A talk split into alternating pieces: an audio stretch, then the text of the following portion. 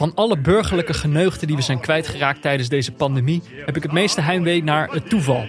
Ik ga niet zomaar meer ergens naartoe. Ik kom daar niet zomaar meer een vage kennis tegen met wie ik vervolgens zomaar een uur sta te praten over de burgerlijke geneugten van het leven.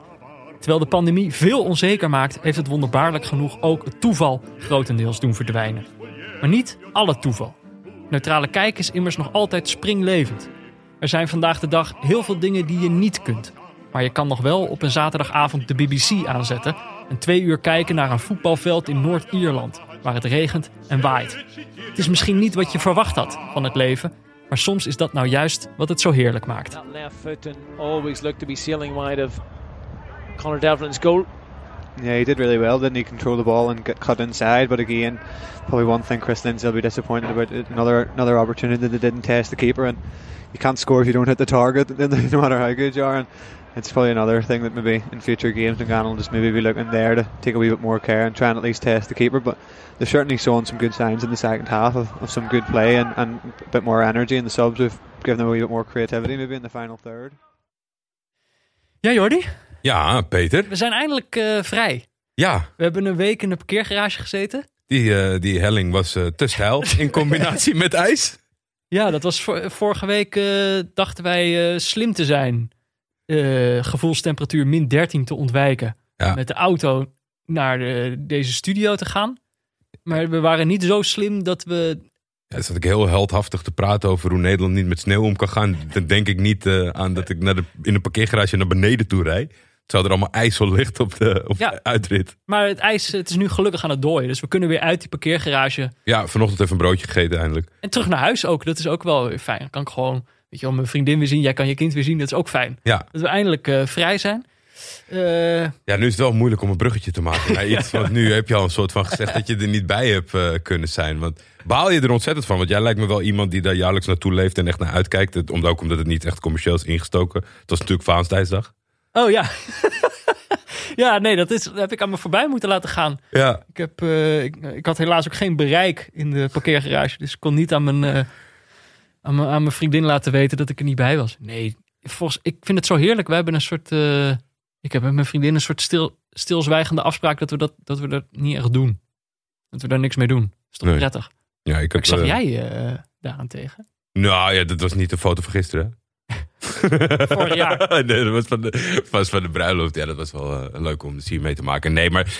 ehm, ja, Oh, want jij. in heel veel, in heel veel comedy dingen komt ook natuurlijk best wel vaak eh, dat de clichévorming en dat soort dingen. En ik, ik moet hier opbiechten dat ik het geprobeerd heb. Ik heb, eh, zolang ik eh, mijn vrouw ken, Mhm. Lot, haar altijd proberen te, te verrassen op die dag. Mhm. En dat, eh, dat deed ik dan eigenlijk wel een beetje overdreven. Vaak valt het op, op werkdagen. Mhm. Liet ik allemaal dingen de hele dag door naar de werk sturen. Een romanticus ben je eigenlijk. hè? Ja, maar ik, ik deed Ja, dat eigenlijk, weet ik, ja. eigenlijk een beetje om het, voor het ongemak. Maar ja, dan wel een combinatie van dat Ah. collega's konden zeggen van... Oh, die, wat, een- wat een lieve vriend heb jij. maar dat, dat, dat, eigenlijk vond ze dat altijd een beetje ongemakkelijk en vervelend en zo. Dus nu, ja, we zijn getrouwd en we zijn wat verder. En Mhm. ik dacht, nou ja, oké, misschien hebben wij dan zonder het echt uit te spreken... ook dat pact gesloten van laten we het, eh, laten we het eh, doen. We zijn, we zijn daar voorbij. Maar Ja. Toen deed je niks. Ja. Ja. Ja, en toen was het toch wel. eh, dus bij deze nogmaals, sorry Lot, dat ik een verkeerde inschatting heb gemaakt. maar gelukkig heeft zij de, de dag gered. Eh, eh, dat is wel gelijk een tip voor de luisteraars. In deze tijden kan je natuurlijk niet naar restaurants toe.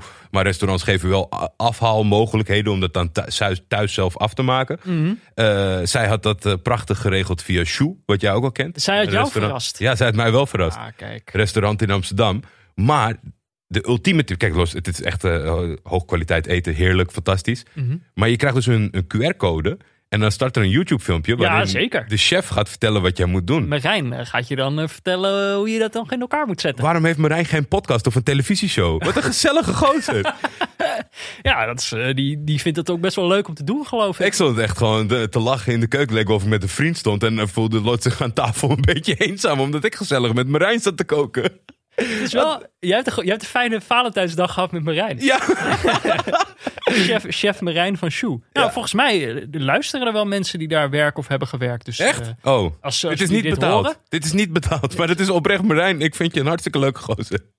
Eh, nee, dat zullen ze fijn vinden om te horen. Toch? Ik bedoel, voor hun is het natuurlijk ook eh, vreselijk dat er geen mensen meer langs kunnen komen. Nee. Maar dat, je, dat die Maar het Valentijnsmenu was uitverkocht. Dus ze hebben in ieder geval wel een grote backup die, die ze er doorheen probeert te slepen, denk ik. Ja. Maar eh nou, wat goed om te horen. Het is wel grappig. Ik moet dan nou, nu toch weer denken aan een, aan een meme. Heb je gezien dat er een meme over jou is gemaakt op? Over mij? Over jou? Ja, dat heb je waarschijnlijk niet gezien. Oh, je nee. zat, even kijken, je zat vorige week zat jij weer bij FC Afkikken, was je te gast, samen met eh, Alex, je, Ja. je, je compaan van eh Taxi Talk. Ja? Ehm, Wat een En- valserik wie dit heeft gemaakt. Dat je, met Ja. de- je hebt altijd die snitch taggers en nu dit keer niet. Ik heb het echt niet gezien. Ik ben heel benieuwd. eh, dit, is, eh, eh, dit is echt wel een, lu- ik bedoel, dit is wel een luisteraar van het eerste uur. hè. Dit is Erika Dabra. Ja? Dan zeg je waarschijnlijk wel iets. Dat is namelijk een van de winnaars. Wij mochten, weet je nog dat wij kaartjes mochten verloten voor de afscheids, Ja. afscheidswedstrijd van de Ruud Vormer? Ja. Eh, hij was toen een van de winnaars. Maar hij had een, eh, een meme gemaakt. Ik zal hem even beschrijven voor de, voor de luisteraars die hem net als jij niet gezien hebben. Ik zal hem ook even beschrijven voor jou. Ja. Eh, het is een plaatje met, eh, met twee hondjes. Eén hondje is zo heel klein en heel schattig. En de andere is een soort eh hondsdolle wolf met zijn tanden helemaal Oh, die grote en die eh, kleine. Ja, ja, ja, ja. Ik ken het kleine concept. puppy en een grote grijze valse wolf. Ja. En dan bij de kleine puppy staat dan Jordi bij neutrale kijkers. Ja. En dan bij die valse wolf staat er Jordi bij FC Afkikken. dus we hebben hier weer onze luisteraars. Ik bedoel, jij bent weer over Valentijnsdag aan het praten. We hebben nu gewoon weer het kleine hondje. Ja, ja, nee, ik begrijp wel wat men bedoelt. Alleen, ja, dat is dan Je toch... gaat altijd ruzie maken bij FC. Ja, ik, ik ga niet per se ruzie maken, maar ik denk dat Neil Petersen, de presentator, altijd wel weet op, op welke knoppen te drukken bij mij. En die, die, weet je, jij verkondigt niet zoveel dingen waar ik het heel erg mee oneens ben. En hij wel. We zullen het zien. Misschien dat ik in deze aflevering toch de wolf... Ga testen, eh, de wolf in me los krijgen.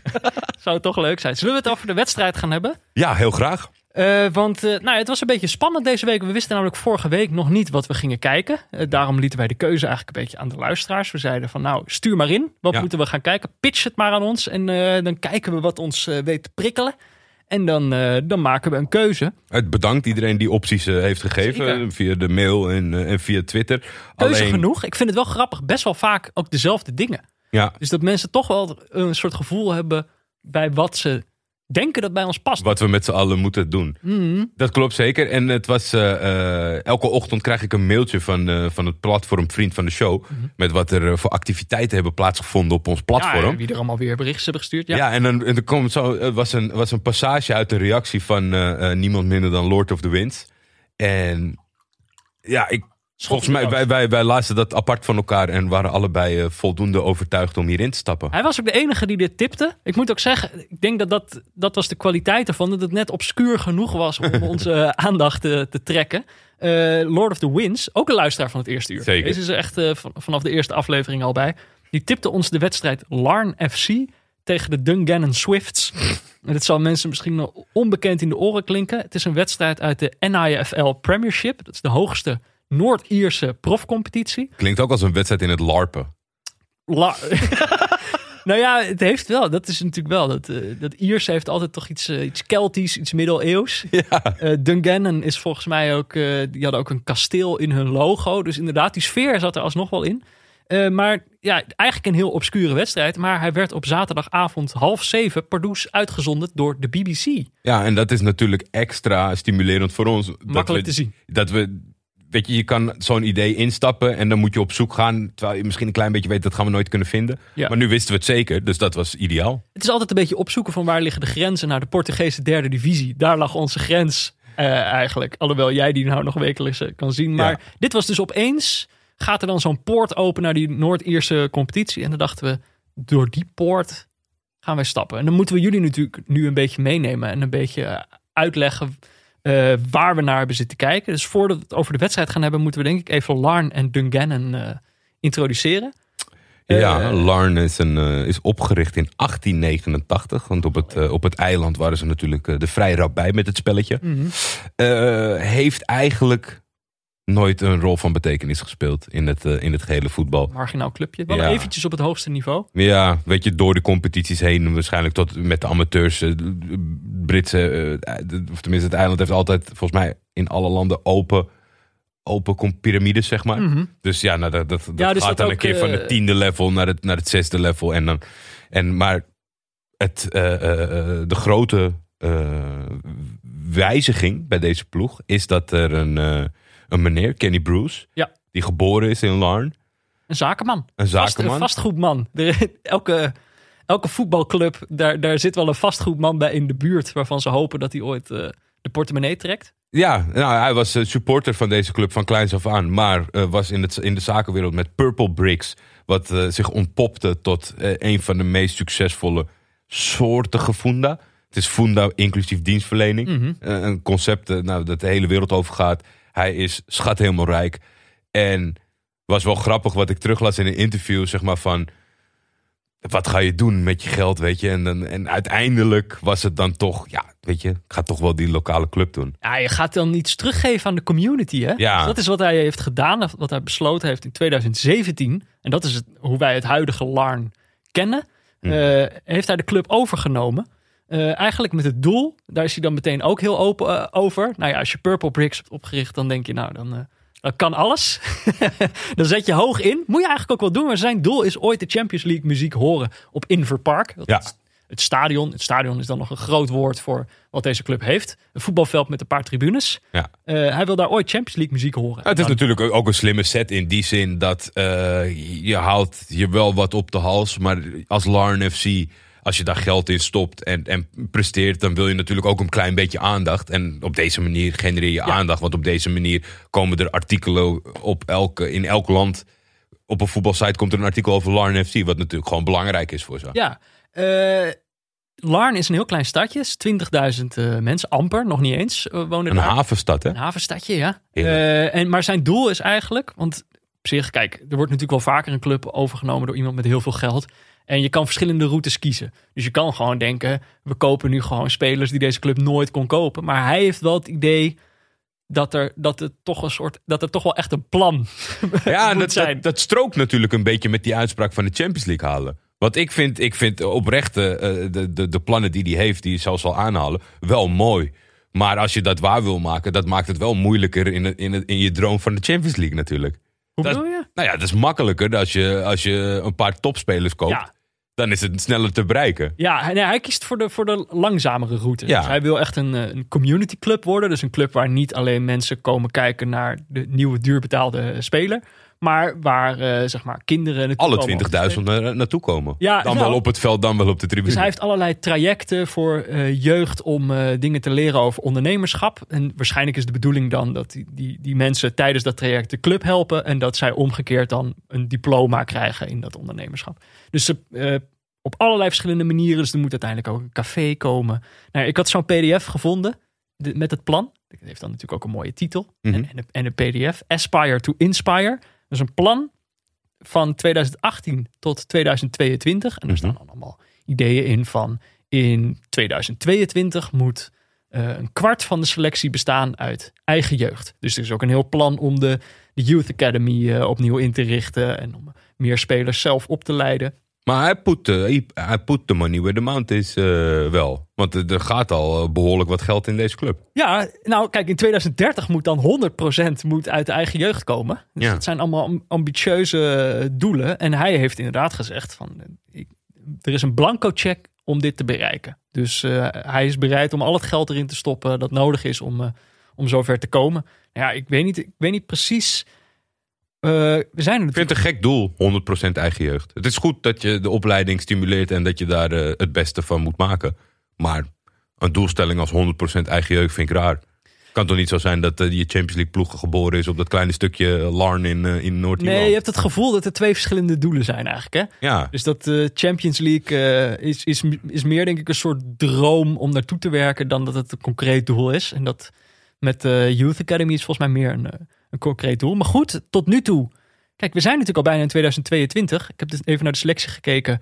Er is nog niet een kwart eh, eigen jeugd. Nee. Ik denk best wel lastig om voor elkaar te krijgen in zo'n korte tijd. Ik weet ook niet precies. eh, de pandemie stond nog niet beschreven in dit plan. Dus Nee. hoe dat eh, precies een rol speelt in hun ambities, weet ik ook niet. Ehm, tot nu toe dus nog geen Champions League muziek. Maar kijk, wat er wel gebeurd is. Je zei het al, die ploeg die heeft een tijdje in de wat lagere divisies rondgezworven. Ze zijn in 2019, dus wel vrij snel nadat hij eh kan kijken, zijn ze gepromoveerd. En vorig jaar, het eerste jaar in de hoogste competitie weer, zijn ze zesde geworden. Eh, dus dat is op, zi- op zich een prima entree in het... eh, Ik, ik, ik las een artikel op voetbalzone. mhm. Dat was het, nou ja, dat, ik, wist niet wat ik, ik wist niet wat ik meemaakte. Het was een zelfgeschreven artikel. Mhm. Was echt ook nog wel een leuk artikel. Alleen dat artikel dat gaat dan over deze club. En die omschrijft een beetje wat er gaande is. En wat quotejes uit interviews en dat soort dingen. Maar die jongen, die journalist, die heeft toen een voetballer gevonden, Nederlander. Die in de Noord-Ierse competitie eh, Ah, ja, speelt. er is er altijd, een- altijd een Nederlands tintje te vinden. Ja. En daar, daar verpest het, wordt het hele verhaal verpest met alle open deuren die die jongen als antwoord geeft. En dan je, ja, hoe is het dan om tegen Larn te spelen? Ja, daar- je merkt wel dat ze met een plan bezig zijn. Dat is wel anders. Je merkt dat ze, dat ze proberen te voetballen. Allemaal van die holle frasen. Het was echt zo. Dat, dat hele leuke stuk kantelde naar een soort niet-zeggendheid. Eh, maar Ja, de prachtige taal uit de pdf, daar kwam eh, weinig van terecht. ik haalde daar wel het belangrijkste in, eh, in naar voren. Dat wat misschien wel goed is, maar ook wel een beetje hem kan tegenhouden in het halen van sterren. Er zit een eh, limiet aan wat je spelers mag betalen in de competitie. Ah, salary cap. Ja. Zonder, eh, zonder uitzonderingen. Dus, hij, kan, eh, hij kan wel. hij kan wel nou, wat zullen we Messi zeggen? komt voorlopig nog niet. Nou, nee. Die, die kunnen ze niet betalen. Nou ja, en verder, kijk, ze zijn natuurlijk sowieso nog. Ze moeten eerst nog maar eens kampioen worden. toch? Mhm. Want dat is de enige manier. De eerste plek is de enige plek in deze competitie die recht geeft op eh, voorrondes voor de Champions League. Aan het begin van 2021, begin van dit jaar, stonden ze nog eh, eerste. Maar ze hebben eigenlijk sindsdien eh, niet zo'n heel goede periode gehad. Op dit moment, ja, een dipje. Op dit moment, zeg maar, voor de, voorafgaand aan deze wedstrijd stonden ze tweede. Met vijf punten achter op de koploper Linfield. En dus, nou ja, er, er- is nog wat werk aan de winkel om dit seizoen. Ik bedoel, ze zullen ook echt wel blij zijn met tweede, natuurlijk. Dat is altijd Ja. nog beter dan zesde. Maar Ja, het lastige voor deze ploegen blijft in alle tijden dat eh, Larn en Linfield die moeten drie rondes overleven in de Champions League. ja, Dat is nog nooit voordat je überhaupt in de groep eh terechtkomt. Linfield getraind door David Healy, zag ik. Wel vet. Legendarische spits van Noord-Ier zelf al. Maar het is natuurlijk wel zo. Kijk, het gaat, hij, hij zegt hij wil die muziek horen. Mhm. En dat is in de voorrondes, is die muziek er nog niet, toch? Dit was bij Ajax ook altijd zo'n punt. Van dan, Oeh. dan, dan zijn de vlaggen er nog ronde niet. En Nee? dan, nou, misschien de laatste voorronde wel. Ja, maar, dat denk- is natuurlijk al een bastion wat ze niet halen. Nee. Ehm, goed, wat een beetje ondergesneeuwd dreigt te raken in deze wedstrijd zijn de Dungannon Swifts. Ja, dat de moeten we, tegenstander van vandaag. daar moeten we voor eh, waken. Het is een eh, semi-profclub, iets later opgericht, 1949. Dat komt dus uit Dungannon. En dat is dus een, een stadje vlakbij een, een kasteel. Dus vandaar ook dat kasteel in dat, eh, in dat logo. Ergens in het midden van Noord-Ierland. Het is wat kleiner dan Larn, 14.000 inwoners. Het is echt, we hebben het over dorpjes. Ja. Nou ja, ze hebben geen rijke eigenaar. Eh, Ik kon hem niet, eh, ik, Niet ik, vinden, ik, in kon zijn naam vinden, maar daarna kon ik hem niet doorvinden op Google. Dus kon zijn net worth. eh, nou ja, als de, als de net worth niet op Google staat, dan, dan weet je dat het wel meevalt. Ehm, zij, maar kijk, wat hun dus wel gelukt is, zij hebben het Europees succes eigenlijk al achter de rug. Ja. In 2006 heeft Dungannon zich geplaatst voor de Intertoto Cup. Via een vierde plaats in de competitie volgens mij. Ja, en toen werden ze eigenlijk eh, meteen in de eerste ronde uitgeschakeld door een club uit IJsland, Keflavik. Ja, Uit eh 4-1 verloren, thuis 0-0 lagen ze er meteen uit. In 2007 eh, haalde Dungannon de finale van de Ierse Cup. Ja, dat is Eh. wel lekker met zo'n recordkampioen als Linfield. Dan, je hoeft alleen de finale te halen voor een ticket. Want dan meestal de andere finalist is Linfield. Ja. Dus dan ben je er wel. Dus toen mochten ze de, de UEFA Cup in. En daar troffen ze, nou ja, eigenlijk in de voorrondes meteen al de nummer 2 van Litouwen. En dan weet je gewoon, het is altijd heel erg lastig. Suduva Mariampola, ja, ja, ja, ja. thuis met 1-0 gewonnen. En in de uitwedstrijd gewoon... Kan wel eens eh, hoge ogen gaan gooien in de Conference eh, League die nu gaat ontstaan, eh Suduva. Nou ja, dit is, eh, dit is waar ze op moeten gaan hopen. Misschien ook waar, eh, waar de toekomst van Larn en Dungannon ligt. In de, in de derde competitie van de... Als ze maar een, als ze maar een hymne krijgen. Het zal toch Ja. wel, als u even erbij betrokken is, komt er niet. Nou, daar hebben ze in ieder geval eh, een soort muziek op Inver Park. Ehm, maar goed, die, dat Europese succes, dat ligt inmiddels ook al wel weer tien jaar achter ze. Mhm. Eh, vorig seizoen werden ze negende. En voorafgaand aan deze wedstrijd stonden ze twaalfde. En dan kan je denken, twaalfde is gewoon ergens in het midden. Dat is prima. Maar in de Noord-Eerste competitie zitten maar twaalf ploegen. Dus eh, ze staan onderin. Eh verzachterende omstandigheden is wel dat ze een paar wedstrijden niet hebben gespeeld. Dus een paar wedstrijden minder dan eh ploegen om hen heen.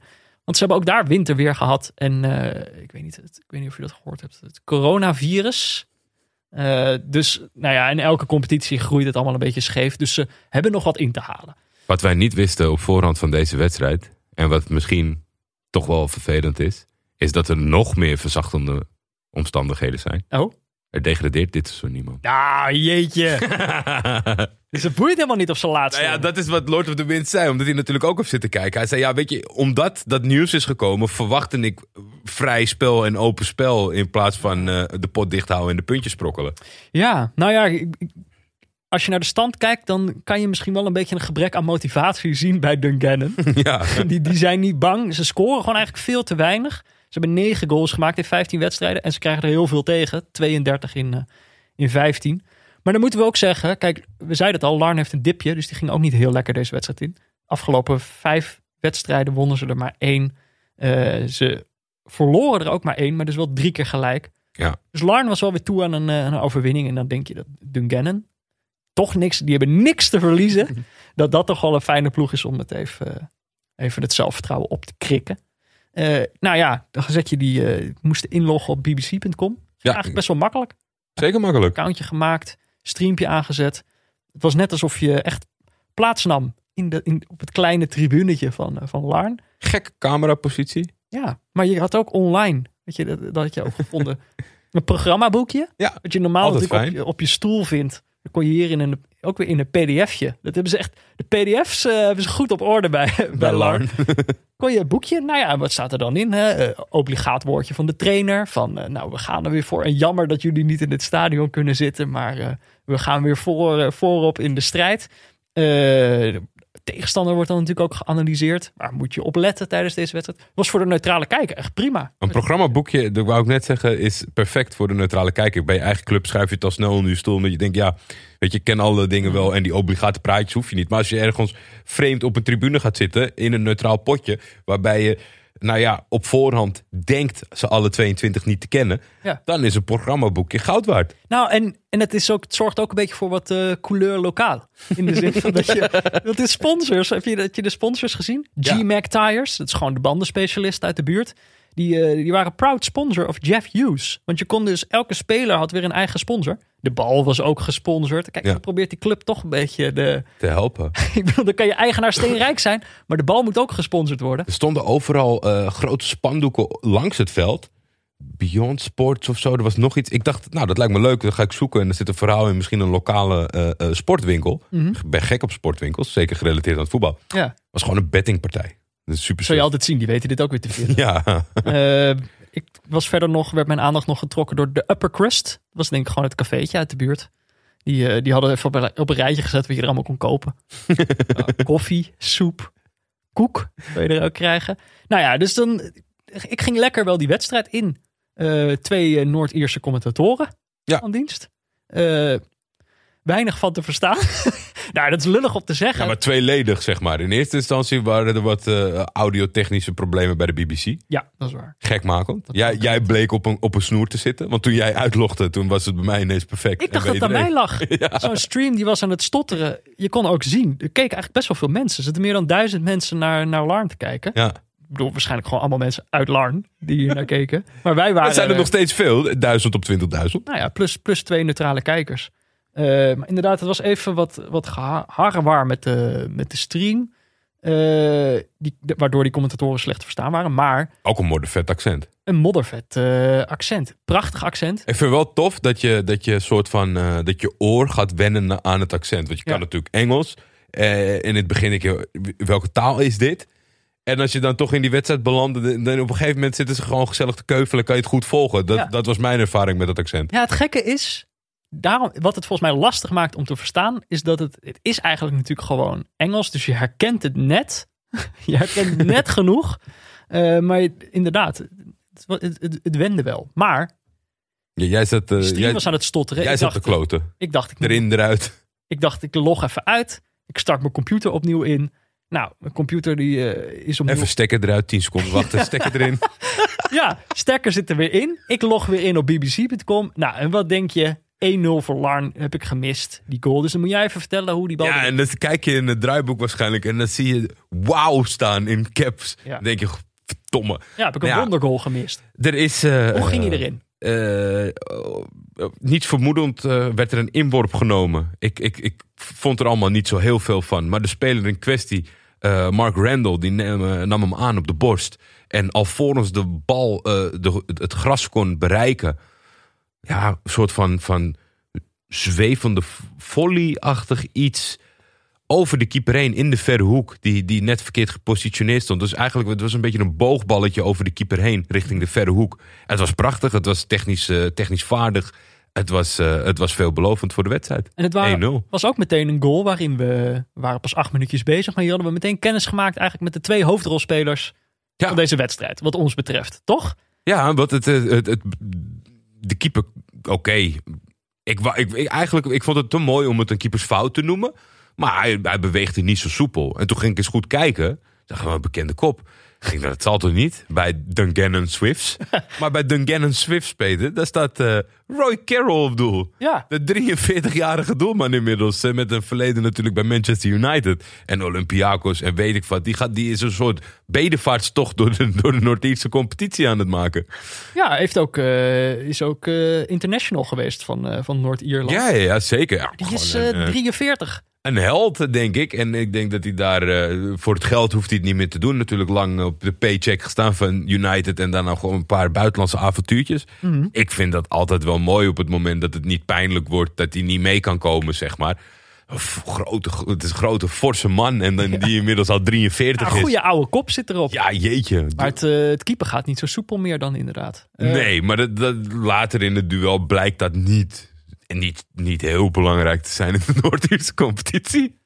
Nee, maar de andere hoofdrolspeler, de, de doelpuntenmaker, Mark Randall, dat is ook niet een volledig onbekende. Nou ja, eh, niet een volledig onbekende. Maar ik moet wel zeggen dat ik je een raar type vind als je nu zonder toevoeging van ons. Zeg, oh, Mark Randall, jeetje, hoe zal het met die gaan? Die zat in de Arsenal-jeugd en die heeft eh, onder 19 in het land gespeeld. Ja, kijk, hij, het, het valt te verklaren dat deze jongen positief opvalt op dit veld. Zijn basistechniek, controle, eh, eh, snelheid, slimheid. Dat, dat zie je dat iemand gewoon een vaardige opleiding heeft gehad. Alleen, ja, hij, hij is geboren in Engeland, eh, in Milton Keynes.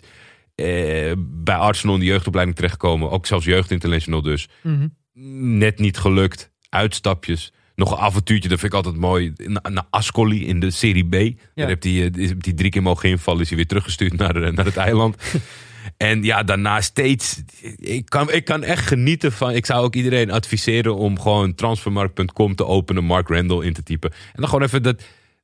Zo'n transfer. Zo'n loopbaan even tot je laten inzien of, of bekijken en tot je, tot je nemen. Ik Ja. vind dat altijd mooi hoe dat dan zo stapsgewijs van hot naar her steeds een stapje lager, maar toch in het profvoetbal proberen te blijven. Maar het is denk ik, het, het, het is ook een goede manier om uit te leggen naar wat voor een wedstrijd we hebben zitten kijken. Mhm. Want eigenlijk zou je dus zeggen, Mark Randall, eh, ooit begonnen bij Arsenal, eh, steeds een stapje lager. Wat je zegt, eigenlijk, eh, je zou kunnen zeggen, die carrière is een beetje afgelopen. Mhm. Het is gewoon klaar. Het gaat niet meer gebeuren voor deze jongen. Er gaat geen mooie club meer op de deur. Bonken Nee. voor Mark. 31, die zal terugkijken op zijn leven en ook zien van, nou, ik was een, eh, een- ik bloeide vroeg. Dat is daarna wel bergafwaarts gegaan. Maar de wedstrijd die we hebben gezien speelde zich af in een universum waarin hij gewoon nog de sterspeler is. Ja.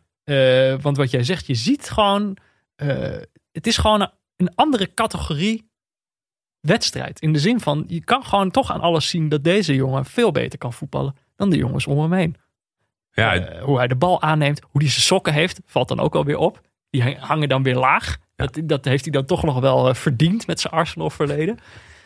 Toch, maar dat is eh, uiteindelijk is dit gewoon een, een, een, een universum waarin Roy Carroll op zijn 43ste nog onder de lat staat. Waar zo'n jongen die het eh, overal heeft geprobeerd, eh, gewoon nog lekker eh, met twee graden en regen, gewoon nog sierlijk over het veld kan bewegen. Het is gewoon echt een andere categorie. Het voelt helemaal niet als dezelfde voetbalwereld als. nee, zeker niet. toch, het is echt een andere wereld waar je op die manier naar zit te kijken. Ook die commentatoren.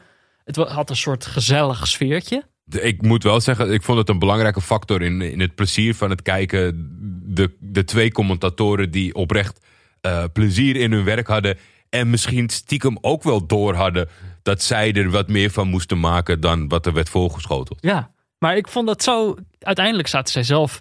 Die commentatoren zitten op een gegeven moment ook gewoon te vertellen van. eh, nou ja, ik ben dan voor Manchester United. eh, jij bent voor Liverpool. we hebben allebei. Ik bedoel, wanneer maak je dat nou mee dat de commenta- commentatoren gewoon toegeven dat ze voor een andere. Nou ja, de, hier, de social media, de, de rapen zijn maar gaar. tijdens Stel- de wedstrijd. Stel dat Wietse Ja. van de Groot morgen tijdens zo'n wedstrijd. Ja, ik ben voor Ajax. En, nou ja, dan, dan, dan, dan kan je niet meer over straat bijna hier. Maar dat zegt toch genoeg eigenlijk over deze wedstrijd. Dat je Arsenal of eh, Liverpool en Manchester United.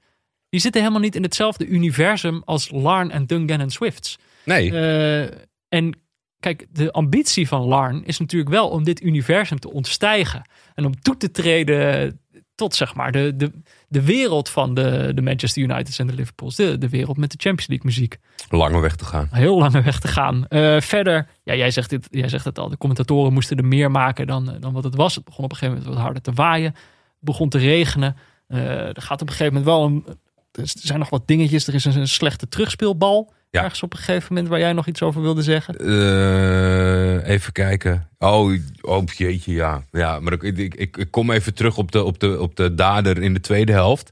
Mm. Maar er, er is... Ja, het is zo, Kolderiek. ja, het is echt kolderiek. Het is een soort van... In de loop proberen terug te spelen op je keeper. En hij dan tekort en de keeper te laat uitkomen. En de spits van de tegenpartij, die we tot op heden helemaal niet hadden gezien. Die daar toch dan net zich probeert tussen te wurmen. Maar dan zelf uitglijdt over de bal. ja, dat was wel een beetje het level waar we het over hebben. Ja. Ik moest denken aan Fox, tenminste tegenwoordig ESPN. Maar Fox had vroeger volgens mij meer dan eens aan het eind van het seizoen een, een, een soort een, een prijs die er te winnen viel. Dat je met jouw amateurclub kon je je opgeven dat zij jouw kampioenswedstrijd Mhm. Ja, ja. eh, zouden re- eh, live regisseren. Met eh, Hans Kraaien langs het veld met een interviewtje en alles erop en eraan, camera's, beelden. Ik, ik moest daar af en toe aan denken. Nou, van- dat was natuurlijk wel de grote BBC was er nu. Ja. Om het uit te zenden. En dat was ook op een gegeven moment een spits die schiet vanaf 40 meter. En dan zegt een van die commentatoren ook van, nou ja, die, die weet waarschijnlijk dat die gefilmd wordt. Maar dat is ook wel echt een ding. Omdat het- je kent het waarschijnlijk wel van voetbalmanager. Dat, dat je zo'n bericht krijgt als je een kleinere club bent. Van eh, je wedstrijd komt live op tv. maar dat is, eh, ik kan me echt wel heel goed voorstellen. Als je, op, als dit, als je in, in de Noord-Ierse competitie voetbal. Dat dat iets is om naar uit te kijken. Dat je wordt uitgezonden. Ja, maar ik vond het ook wel grappig, omdat het dus, eh, als het niet vanzelfsprekend is voor je team, dan heeft dat dus blijkbaar ook gevolgen voor hoe je dan gaat, gaat spelen. Of wij kijken of niet, Ja, maakt verschil voor de wedstrijd.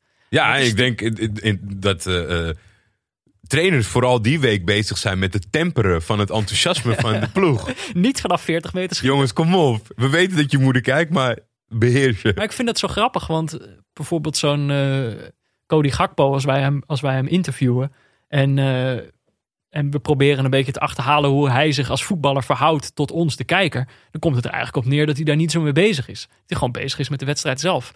Maar dus op dit niveau, in het universum van Larn, is dat toch denk ik net wat anders. Op het Ja. moment dat wij eindelijk kijken, dan, gaan, dan veranderen al die voetballers. Dit universum is, is veel dichter bij dat wat jij en ik kennen van Ja. gewoon betaald voetbal. eh, als in de zin dat wij betalen om te mogen voetballen. dan met, met ander voetbal. Dat is gewoon de conclusie in, in, in, in, in, in heel veel dingen. Ik wil dan toch nog één, voordat we naar de rust gaan, Ja, wil ik eh, nog, ik bedoel, als we dan toch hebben gekeken, dan wil ik er ook even iemand uithalen. Bedoel, dan wordt hij toch eventjes genoemd in de Neutrale Kijkers eh, podcast. Eén speler van Larn, die kwam werkelijk in elke herhaling kwam Ja. die voor. En weet jij al, de Fouad Soule, ja. een ontzettend eh, heel klein, 1,60. klein geblokte Nigeriaanse Ja.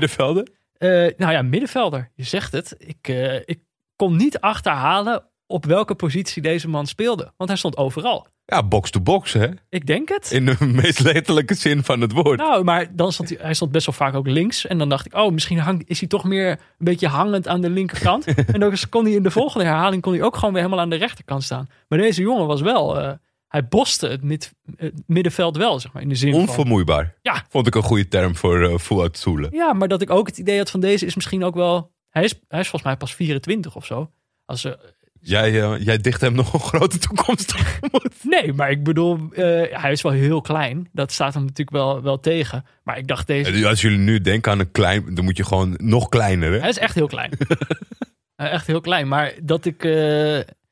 ik bedoel, die, die, die rende wel meer. Hij veroverde eigenlijk elke bal. Ik heb bijna geen duel zien verliezen. Dat je wel het idee hebt van deze jongen is dan eigenlijk weer net iets te goed voor, voor dit niveau misschien. Maar misschien dat hij, eh, dat hij het op zijn heup had en dat die andere weken. De Y-scouts tegenwoordig, wie weet eh, dat ze, dat ze hem een keer eh, er doorheen Ik halen. weet het niet. Als, als, de, als, de, als er een scout van Fortuna Sittard luistert of zo. het zou zomaar kunnen gebeuren. FC Eindhoven, Helmond Sport. Waarom niet? Ja, Fouad Soule. Ik, ik endorse hem. Nou ja, op het moment dat de scheidsrechter fluit voor de rust. Dan rent iedereen naar binnen. ja dat is is hilarisch, hè? Ik bedoel, bij ons was het op dat in. moment ge- gevoelstemperatuur min 10 nog steeds, denk ik. Ja. Eh, daar was het iets warmer. Het was een graad of twee, maar het begon best wel hard te regenen. Dus ik bedoel, die spelers hadden ook zoiets van: ik wil gewoon naar binnen. Ja, Die renden allemaal naar binnen. dat was een mooi shot.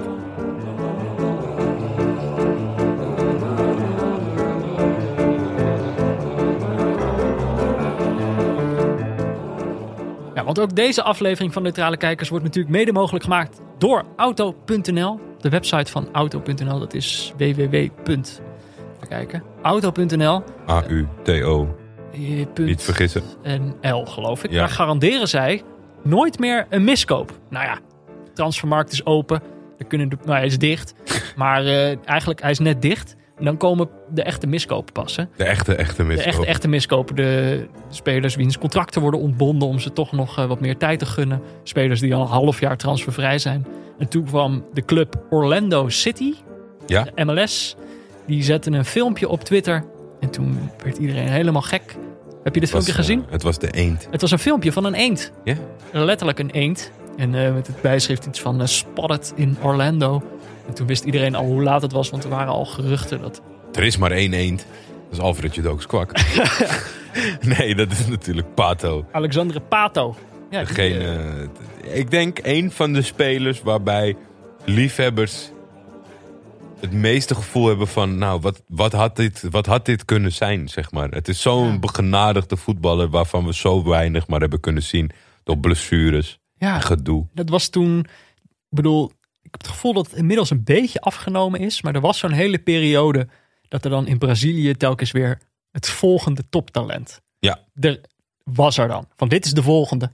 En eh Alexandre Pato was eentje in die, in die reeks. Ja, zeker weten. En, en, en vroeg in die reeks, zeg maar. Want eigenlijk werden anderen dan alweer bestempeld als de nieuwe Pato.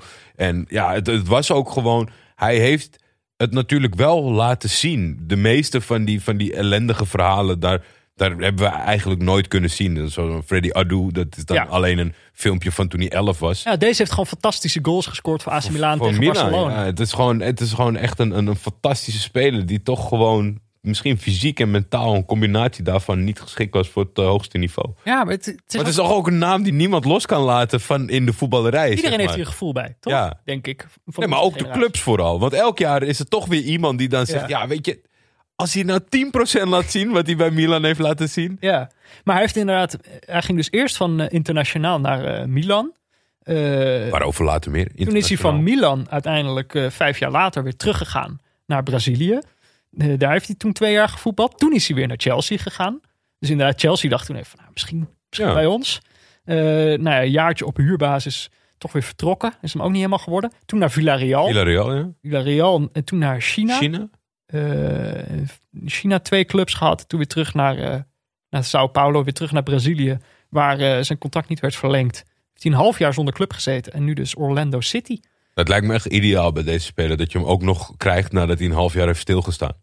En ja, Dat is zeg maar om het extra spannend te maken of er nog wat uit te halen is. ja, maar tegelijkertijd, wat die clubs hebben, dat zou ik als supporter ook hebben. In de zin van, ik zou het. Dit is nou een speler voor wie je wel naar het stadion gaat. Oh, geloof mij dat als Galatasaray er mee, had mee aankomen zetten de afgelopen twee, drie jaar, dan had ik ook, eh, ja, wat if, probeer het maar. Ja, en dan, oké, dan is dit misschien het moment. Dan moeten we gaan oordelen. eh, om een oud, eh, oud segment van onze podcast terug te brengen. Ja. Eh, dit is door. Er was Zo, één, doen- zo doen ze dit ook bij Auto.nl trouwens. één luisteraar heeft dit. Drong hierop aan dat we dit gingen doen. Mhm. Dat we dit segment terugbrachten, namelijk het segment Toppie of Floppy. En dat was dan eigenlijk meestal legde ik jou een eh, transfer voor. En dan moest jij, moest jij zeggen of het, eh, of het top ging worden of flop. Ja, Toppie of Floppy. ik heb, ze Alexander allemaal, ik, heb, ik heb ze allemaal al genoteerd uit het verleden. Allemaal uitgekomen. Dat is ongelooflijk. Ja, precies. 100% eh, scoren. Dus zeg het maar, Alexander Pato. Toppie of floppy? Hij, hij, hij flirt even met Toppie. Mhm. En dan wordt het toch floppy. Oei. Spijt me. Mocht je deze, deze twijfel tussen toppie of floppy willen voorkomen, dan moet je dus gewoon bij auto.nl zijn. Eh, en dan ga dan naar auto.nl slash neutrale kijkers. Oké, ja, in de rust renden de speel- spelers al naar binnen omdat het begon eh, te, te regenen. Maar in de rust begon het ook nog eens steeds harder te waaien. Ze hebben nog geprobeerd bij de BBC om dat een beetje over te brengen op ons als kijkers thuis. Door af en toe de cornervlag te filmen. Daar had ik dan zo'n vlaggetje. Ja, slim. En nou, die wapperde dan steeds niet. En dan zeiden die commentatoren, die zeiden dan van... Nee, oké, steeds als hij in beeld komt, wappert hij niet. Maar neem maar van ons aan. Het, Het waait. waait. echt, het waait echt eh, heel hard. En dit was ook wel grappig. Gewoon tijdens de wedstrijd zitten zij te klagen over hoe verschrikkelijk koud het is. Of Ja. ja. klagen. Ik bedoel, ze zien, komt natuurlijk een speler in beeld. En dan zeggen ze, ja, het is, het is toch wel echt eh, hard werken voor, de, voor deze jongens. Het is behoorlijk eh, koud. En dat, dat ze ook zelf zeiden dat ze een thermoskan met thee hadden gekregen van Larn. Toch echt een community club. Ja. Eh, daar bedanken ze dan ook live on air de, de club voor dat ze thee hebben gekregen.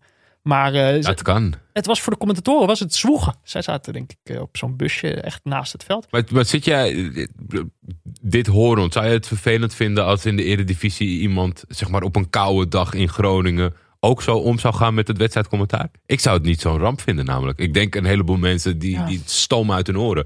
Maar Ja. dat is toch ook gewoon zijn dag is toch ook of zijn beleving is toch ook om het op jou over te brengen hoe het daar is. Ja, we hebben het toen met, eh, met Jeroen Elsof en Wiets van der Goot hebben we het erover gehad. eh, wat nou eigenlijk de taakomschrijving is van een, van een comment- commentator. Ik, ik zou er inderdaad helemaal geen probleem mee hebben. Ik bedoel, als, als een commentator die persoonlijkheid heeft, Ja. dan vind ik het eigenlijk altijd wel leuk als zo iemand dat laat zien. Want dan kan dat iets toevoegen aan een wedstrijd. En als de wedstrijd dan zelf niet genoeg heeft om je te boeien, dan is dat eigenlijk. Ik bedoel, die commentatoren maakt het voor mij een heerlijk ontspannen. Ja, eh, goede, goede, goede term om deze twee mannen nog een keer een compliment te geven. Het waren goede persoonlijkheden qua audio, eh, hoe ze overkwamen. Ja, Wat ook een echte persoonlijkheid lijkt, ik weet het niet zeker, maar op mij heeft hij heel veel indruk gemaakt, is Albert Watson. dit is die man van die terugspeelbal. Dit is de man van de terugspeelbal. Ja. En ja, ik heb, ik heb echt elke keer dat hij in beeld kwam, als, als niet eh, jouw Sule, de, de showstal in het shot, heb ik zitten kijken. Ik denk, is deze man nou 50? 60? Eh, het is- is een ander universum. het is, het is zo'n bonkige vent. Die misschien nog wel groter is dan Roy Carroll. Wat gewoon echt, en het centraal achterin, het meest clichévormige van de laatste man Ja. die, je, die je kan verzinnen. Albert Watson. Ja, dat is hij wel. En hij is pas 35, dus dat was wel een tegenvallen. En op een gegeven moment zie ik hem juichend wegrennen. Want in de 53e minuut komt Larn op 2-0. Ja. Alleen is er helaas, eh, eh, zijn er meerdere cameraposities, dus krijgen we ook de herhaling te zien. En zien we dat hij eigenlijk de, de tegenstander een soort van... eh, Tegen de bal aan duwt. ja, bijna wel. En die, die kopt hem dan achter zijn eigen keeper. Dus het is niet zijn. Of misschien juichte hij voor het duwtje dat hij had gegeven. Dat zou ook kunnen. Maar wat een heerlijke vent. Maar dat zie je al dat het. Dit is zo ver verwijderd van. Het is geen Champions League niveau. Nee, op dit, moment, eh, op dit moment nog niet. Albert Watson, hij is een geweldige vent. Maar die kan je niet in de Champions League inschrijven. Ik ben, normaal ben ik heel eh, eh, vergevingsgezind als het om keepers gaat. Hier ging Roy Carroll toch ook niet helemaal Nee.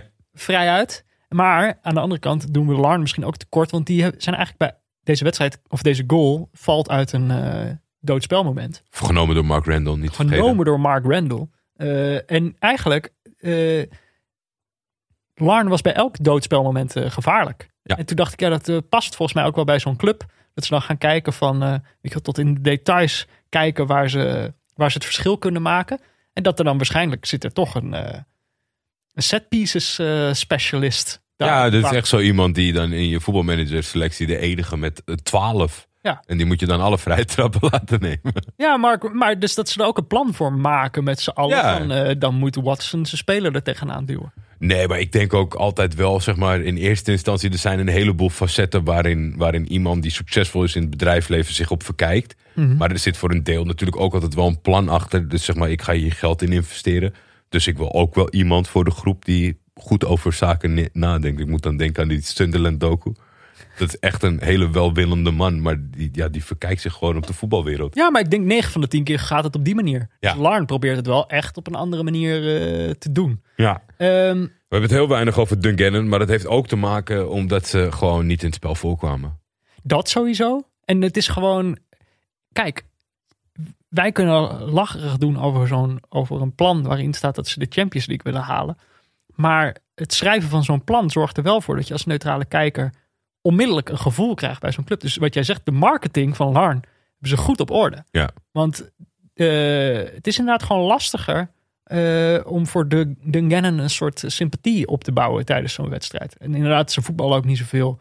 Ik vind kasteel wel gewoon een goed uitgangspunt. Als ze dat, als ze dat misschien op internet wat meer zouden verhaal geven. Een ridder als mascotte bijvoorbeeld. Ja, zoiets. Of, of, of dat de, de bloedlijn van de oprichter nog ergens op een slagveld Ja, heeft ja. gestaan. Weet je, zoiets. Ik- Dat, dat, dat, dat hele ridderige, dat zou ik wel grappig vinden op dit niveau. Maar ja, Gannon heeft gewoon heeft helemaal niks.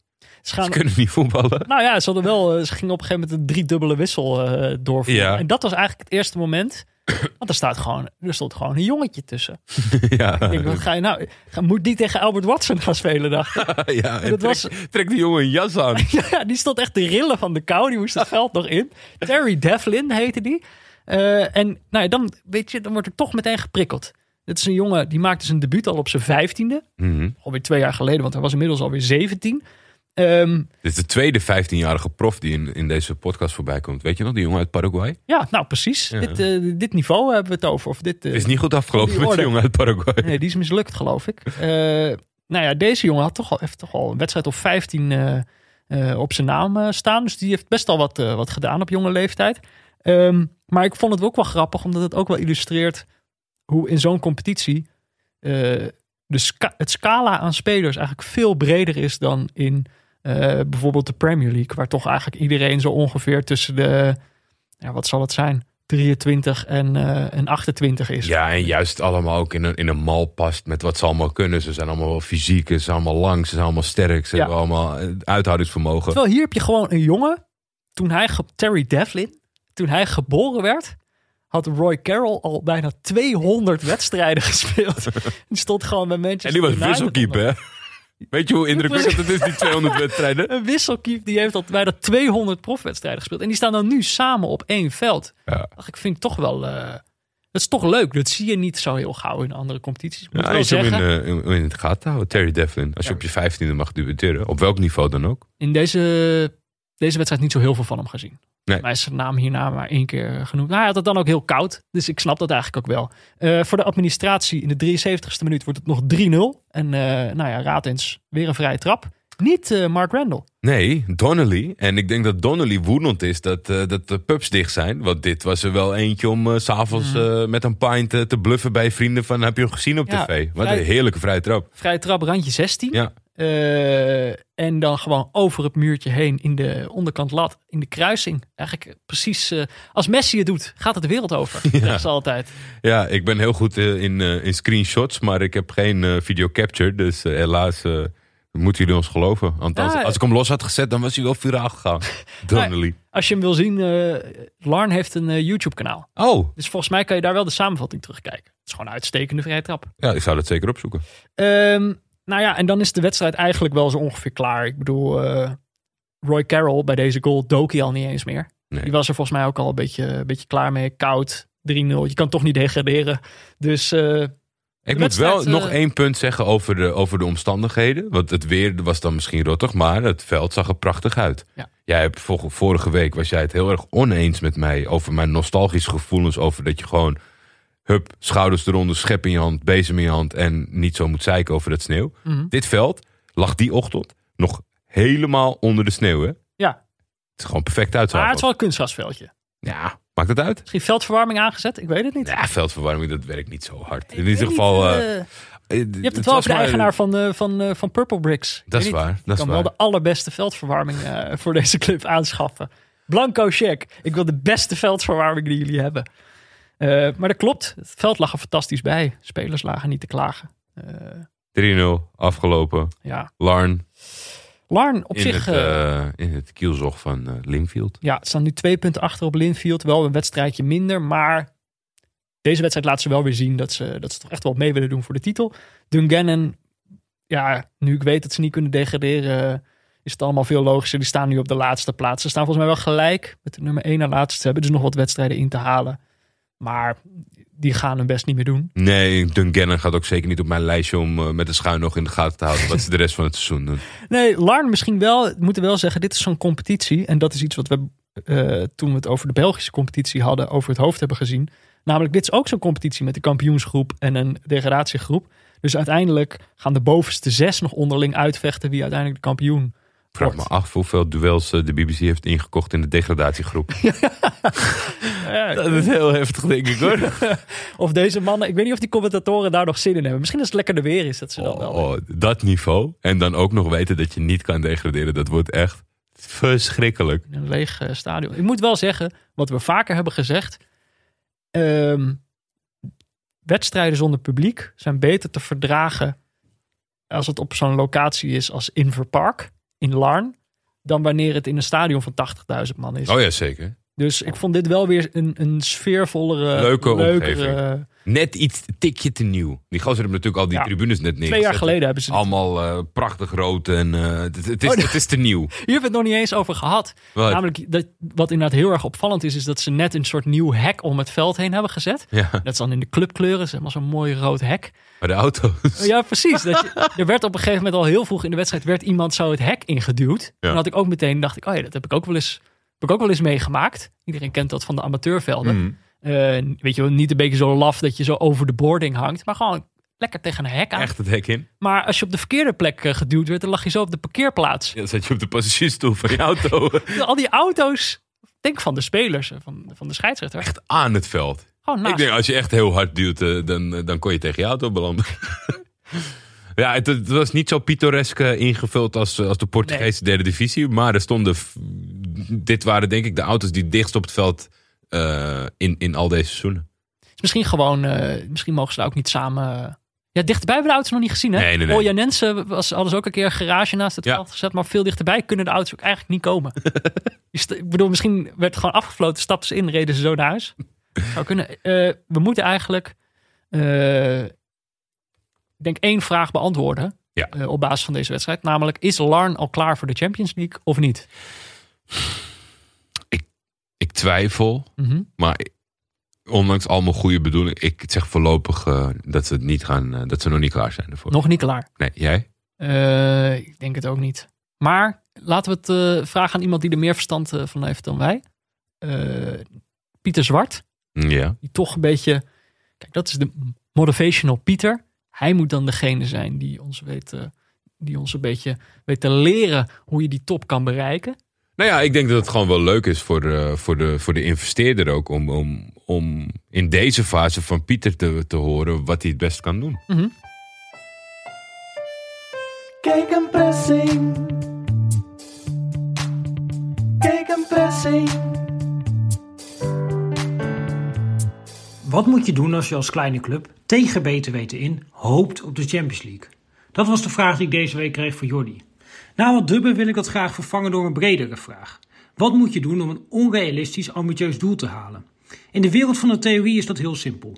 Zoek uit wat je nodig hebt om dat doel te halen en knip de voorwaarden op in zo klein mogelijke stappen waarmee je vandaag kan beginnen.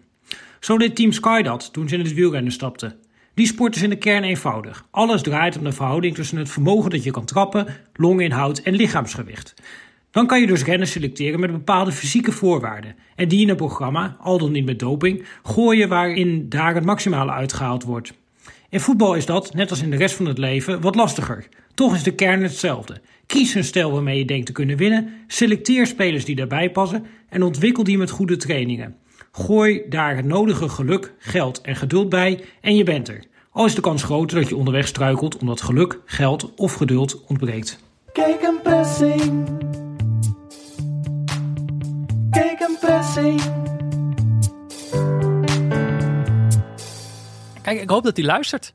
Ik, ik hoop het ook. Nou ja, ja en nee zeg maar. Want de Ik vind het ook zielig. de zijpelt natuurlijk ook een klein beetje doordat hij bezig is aan Mission Impossible. Maar die mensen hebben we nodig om Precies. over te kunnen praten. Precies. Ehm, even kijken.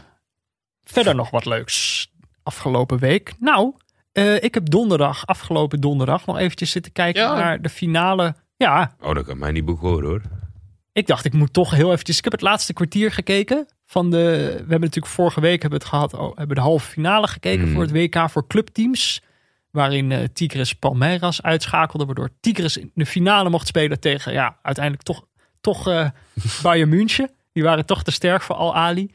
Ehm, en ik dacht, ja, ik moet wel even kijken. Heel veel die finale zien. Maar eh, ja, wat ik in het laatste kwartier heb gezien, is toch wel echt een machteloos Tigres. Ja? Bayern München die dat doel belegert. Onze favoriet, eh, de keeper, Nauwel. Die pakt een hoop. Mhm. Is wel weer te shinen. Werd ook heel erg, het werd weer uitgezonden op de NOS. Wat wij niet wisten is dat hij Nauwel in de Copa Libertadores, nee, in de CONCACAF Champions League, ehm, een keer gescoord heeft in de laatste minuut. Ah, dus de, de focus ging daarop in de slotfase. Dus eh, eigenlijk in minuut 70 zat de commentator van de NOS al te zeggen: wanneer gaat hij mee naar voren?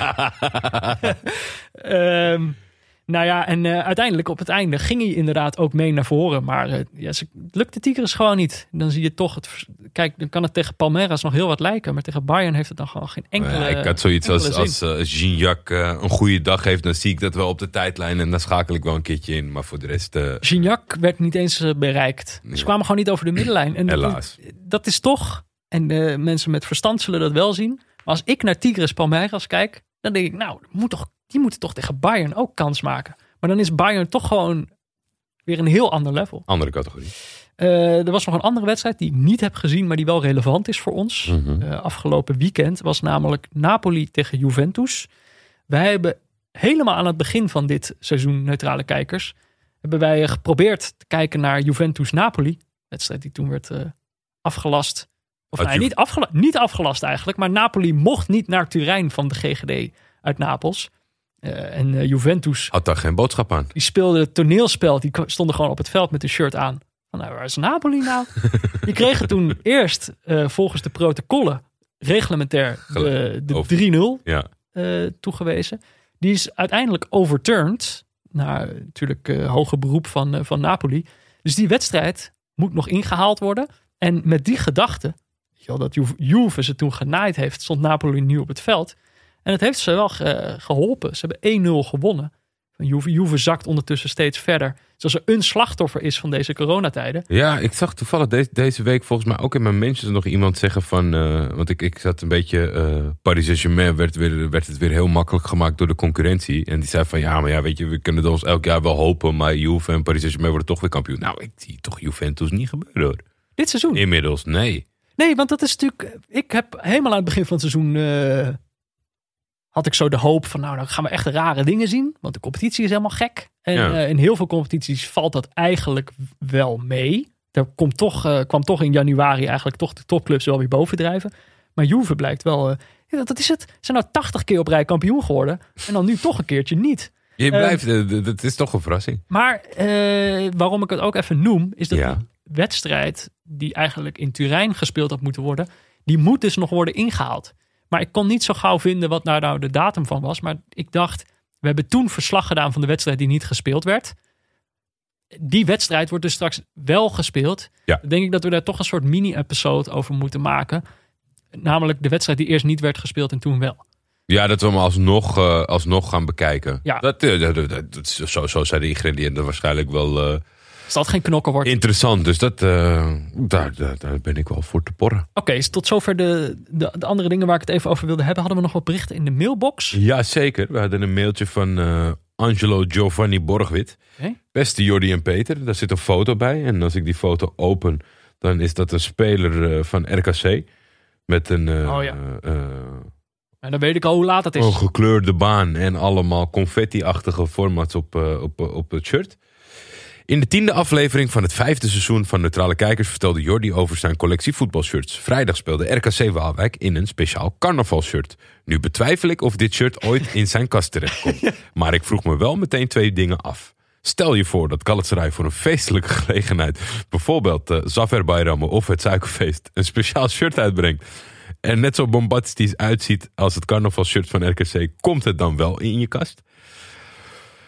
Ja, Jordi. Het Oeh. carnavalshirt van RKC, kan het jouw goedkeuring wegdragen? Absoluut niet. Heel toevallig, eh, omdat het was natuurlijk al gevallen. Ik was vrijdag bij Afkikken, daar was hij opgestuurd naar Ah, de grijze wolf toe. kwam toen in je... Heb je het afgefikt? Pop, pop, pop. Ja, het is wel echt afschuwelijk. Maar ik kan me ook wel gewoon voorstellen als carnaval je ding is en ludieke kleuren en zo, als dat nou eenmaal erbij hoort, dat je het niet zo erg vindt. Ik vind het echt, ik kan er helemaal niks mee. Ik vind het ook niet mooi ook. Nee. Eh, wat is het Het, lelijkste? het, is, gewoon- het, is gewoon, het lijkt gewoon een grap, toch? Ja. Ja, nee, dat is het natuurlijk ook. En dat is ook wat, wat, wat heel carnaval natuurlijk is. Dat, dat Kolderieke of zo. Maar ik denk toch, het is gewoon het werk van die spelers. En dan is, ben je gewoon één, één wedstrijd in het seizoen. Ben je dan, eh, Clown. ben je dan clown. nou ja. Nou ja, wat ik interessant vind en, en, en misschien ook wel bemoedigend is dat ze toch, want het is niet de eerste keer dat Nee, RKC dit doet, Ja. eh, dat er genoeg ge- mensen in geïnteresseerd zijn om, om het te drukken. Ja, is een limited edition waarschijnlijk. Hè? Ja, oké. Collectors item. Maar jij, jij zou hem als Ik- collector niet willen Ik ben natuurlijk, eh, ik ben wel eens in de textielboerhoek gedoken voor onze podcast. Ja. Dat, dat is hard werk hoor. Dus Maar- dan moet je wel weten dat er mensen geïnteresseerd zijn. Maar, dat valt mij op. ehm, zijn tweede vraag? Wat is het lelijkste shirt dat je zou aanschaffen, al is het puur voor de cultstatus van het shirt? Nee, maar bijvoorbeeld, hij, hij had toch ook een soort ideeën van stel dat Galatasaray zoiets zou Oh, zo, ja. Dat, ja. Ik kan het me niet voorstellen. Ik, ik heb wel veel, maar ik, ik, ik ben niet in de veronderstelling. Ik krijg de collectie nooit compleet van Galatasaray van voordat ik geboren was en dat soort zaken, weet je. Dus ik kan het nooit compleet maken. Dus ik kan ook wel eens wat overslaan. En mijn gevoel is als het echt deze gekke hoek in gaat, dat ik niet geïnteresseerd ben. Want dat is ook het antwoord op de tweede vraag eh, wat dat betreft. Er is een hele community die, eh, en dat, dat hoort ook zeker bij, eh, bij voetbal speciaalzaken van Martijn van Zijtveld, weet je. Die, eh, die te- toen rondom die uitzending een campagnetje had gedaan voor de korting. Daar, daar zit ook een hele groep die de meest absurde shirts wil verzamelen en kopen. Met garnalen erop. En eh, in, in de Spaanse lagere divisie heb je heel gek shirts. En nu had hij laatst weer wat met Star Wars erop. Ik vind dat afschuwelijk. Ik moet er niet aan denken. Het doet mij gewoon. Ik, ik vind. Ik snap wel wat, wat het zeg maar is. Maar het is ook een beetje mijn moeite met clubs als Telstar. Dat als iedereen gaat wijzen en zeggen. Wauw, wat een cult. Nou, dan ben je mij kwijt. Ja, ja, precies. Is het... ehm, nou ja, Angelo, je hebt op zich antwoord. Jordi, Ja. Jordi gaat dit shirt volgens mij niet eh, aanschaffen. Walgelijk lelijk shirt. Nee, ik gebeuren. ga het zeker niet kopen. Ik moet dan denken, we kregen nog een tweet van eh, luisteraar Lieke Liefkes. Die eh, ook, ook reageerde op die, die shirt special die wij hebben gemaakt. Namelijk, kijk, het is natuurlijk als, als neutrale kijker is het lastig om een shirt te kopen. Want dat doe je over het algemeen als je voor een club bent. Ja. En zij stuurde iets door van Mystery United, heet het. En dan kan je dus bij hun een shirt bestellen. Dan bestel je het mystery shirt en dan krijg je gewoon een willekeurig, een Ja. willekeurig shirt thuisgestuurd. Het Dacht zijn, ik, nou ja, het zijn best wel recente shirts. Er zijn best wel wat initiatieven op dit moment die, die, die soortgelijke. eh, ik vind het concept echt heel leuk. Alleen, eh, als zij het tipt, ga ik uit van het goede. Maar het zou wel belangrijk zijn als we ergens op die site kunnen achterhalen dat het 100% eh, authenticiteit betreft, de shirtjes. Nee. Want er zijn ook initiatieven die. Nee, precies. Dus het is een, een, een endorsement onder voorbehoud. Want ik weet niet of dat. eh, dat moeten we nog onderzoeken, toch? ja, ja, oh ja, precies. Dat, eh, dat, kan, dat kan ik niet zeggen. Dan moet, je bij, moet je bij Lieke zijn eigenlijk. Ja, Lieke, is het 100% goed? Als je, als je, stuur even een duimpje in de comments. Dan. eh, Bert Depla, natuurlijk. Bert, Bert schrijft elke week na elke aflevering een, een, een, een lange brief als penvriend. Dat vinden we Mhm. ontzettend leuk om te lezen. Maar hij had ook nog een kort vraagje. Of ik mijn aandelen nog in de club heb, Murcia. Ja, Ja, daar wat we het al moet ik heel ermee lang doen? Het is, het is geen beursgenoot. Ik, ik kan er niks mee. Dat is voor de rest van mijn leven voor mij. Maar wacht even, dit is een andere Murcia dan waar Ja, ja, niet, Ricky de Rent ja, ja, niet te verwarren met Racing Murcia, waar, eh, waar eh, eh, eh, Drenthe nu verloren maakt. Ik heb in Real Murcia geïnvesteerd, als goede bedoeling. Ja. Nou schijnt dat toch nog wel een staartje te gaan krijgen. Hoe bedoel Want, je? Wat voor eh, staartje? Er was een Mexicaanse investeerder die een puinhoop maakte bij Roda. Voordat hij bij Roda terecht kwam, zat hij bij Murcia. Ja. En nu heeft hij een soort van rechtszaak aangespannen over dat die club nog zijn eigendom zou zijn. Ik zag wat dingen in mijn mensjes voorbij komen. Oh Dat nee, is, eh, het is jouw eigendom. Jij ja. bent aandeelhouder. Ja, dus hij moet zo meteen met mij vechten om die club. Nou, dat kan ik hem afraden. Ja, ga, ga er maar aan staan. Die grijze wolf moet je dan wel hebben. Hè? Niet die, eh, zeg maar, je moet wel die, die valse wolf hebben. Dat komt Je helemaal moet, goed. je moet niet dat kleine hondje dan hebben. Dat komt echt helemaal goed. Weet jij nog dat we een mailtje kregen van Jesse van den Boven over zijn opa's en, en opa en de mascotte? Ja, daar hebben we het vorige week over gehad. Ja. Nu hebben wij een mailtje gekregen van eh, eh, Milan Haak. Broertje van? Inter. Broertje van Interhaak? Nou, dat weet ik niet of dat de broer is van de welbekende Willem Haak. Dat weet ik niet. Maar Milan Haak is de schrijver van dat stuk. En hij zegt, omdat jullie het erover hadden, wilde ik het jullie even inzichtelijk Oh ja, want, geven. oké, om even te, te, te recappen. Iemand had, iemands opa, de opa van een luisteraar, was geïnterviewd in het blad Staantribune Ja. over zijn collec- collectie WK en EK mascottes. Dus de poppetjes die je bij elke EK of WK hebt. Hondje. Wij konden dat niet zien, want we hadden die papieren Staantribune niet binnen. Klopt. En nu hebben we dus een mailtje van de schrijver, hebben we- interviewer van die opa. Sick, hè? Die wereld, jongen. Eh, dus eh, Milan, hartstikke bedankt eh, voor het inzichtelijk maken van nummer 34 van Staantribune. Wij hebben het te laat ontvangen, maar wij komen daar volgende week op terug. Oké, Ik ga dan ga jij de poppetjes raten. Ik ga het lezen, ik ga kijken. En Jesse, je weet het. Ik kan ook die wolf zijn, hè? Kan, ook- kan ook een hele vervelende uitzending worden over je opa. Maar daar ga ik voorlopig nog niet van uit. Eh, dan zijn we alweer toe aan het gecrowdsourced onderdeel van deze Oh, aflevering. hebben ze weer lekker gewerkt vandaag, hè? We hebben, onze vrienden van de show hebben het privilege om namen in ons script te zetten. En dan moeten wij eh, raden waarom ze dat hebben gedaan. Nou, er, zijn weer een hoop namen bijgezet. Jordi, wil jij, eh, wil jij beginnen of zal ik beginnen? 37. Wat een gekke. Even kijken. Ik wil wel beginnen. Deze naam werd door twee mensen erop gezet. Door Pim en Gunnar Saus. Die zetten de naam Josh Maja erop. Zegt jou Oh, ik vind het jammer. Ik dacht dat je met de eerste ingave. Ik heb vanochtend zo hard gelachen. Dus die ga ik heel even eerst doen, want ik heb er toch Oh. niks zinnigs over te zeggen. Ion Isabire, die heeft Tante Piet Ah, ja. erop gezet. Ion Isabieren die zette een, een, een andere luisteraar van ons. Omdat wij denk ik altijd moeten lachen Ja, bij het Tante uitspreken. Piet. Tante Piet, dus Jon- Tante Piet, je staat nu zelf op de lijn. Geen idee wat je deze week hebt gedaan. Laat het vooral Nou, weten. Oké, laat, maar laten we deze dan even afmaken. Jon Isabieren die zette Tante Piet erop. Ja, Tante Piet had zelf ook een naam erop gezet. Namelijk Royston Ricky Drenthe. ja. eh, die dit weekend zijn tweede goal alweer maakte voor Racing Murcia. Dus En niet een- Real Murcia, Racing Murcia. En een vette assist gaf. Eh, ik moet wel zeggen, ik ben een beetje streng op keepers deze aflevering, merk ik. Ik heb Roy Carroll gezien en mijn hele perspectief is overal. Ehm, maar die, die zag er niet helemaal goed uit bij die treffer van, eh van Royston. Maar aan de andere kant, ik bedoel eh, twee uit twee. Ik vind het zo leuk dat soms je zou naar zijn eh, carrière kunnen kijken en denken, dit is, is gewoon iemand die, het- die het heel even leek te kunnen. Mhm. En dat het er daarna niet meer uitgekomen is. Dat het daarna bergafwaarts is gegaan. Maar het leuke is natuurlijk dat hij steeds, dit is natuurlijk wel een wat lager niveau, dat toch steeds bij Royster en Ricky Drenthe dan toch weer blijkt dat hij, het, dat hij echt wel een heel goede voetballer is. Het is niet normaal. Het lijkt wel soort alsof hij, alsof hij versneld wordt afgespeeld. Heb je die beelden op zijn Instagram voorbij zien komen? Ja, maar dat is toch, dat is toch vet? Ja, nee, super vet. Want ik, dat was ook, weet je, dan moet je het wel altijd natuurlijk een beetje in perspectief zien. Maar die assist die hij geeft, hij vliegt die linkerkant over. Het is echt niet normaal. Want hier was natuurlijk, ja, weet je, op een gegeven moment ook spelers vaak Mhm. overtrainen. Dat ze minder atletisch worden. Dat had ik een beetje bij hem. Hij was natuurlijk super explosief. Maar hij werd nu een soort van. eh, Ja. Nigel de Jong heeft dat ook gedaan. Net zo breed als hoog. Ja. Dan kan je niet zo lekker rennen meer. Maar hij vloog over die flank. Ik vind het grappig om te zien. Maar het kan natuurlijk twee kanten op. Je kan denken van, eh, weet je wel, dan heeft iemand bij Real Madrid gespeeld en dat je gewoon echt niet meer ziet eh, hoe dat ooit heeft gekund. Ja, Terwijl bij deze, als je dit ziet, dan kan je wel, oh ja, dat is gewoon pure klasse. Royster Ricky Drenthe is toch gewoon pure klasse. zeker. En dat is, dat is fijn. Oké, dan Zo gaan zijn we terug bij Josh Maja.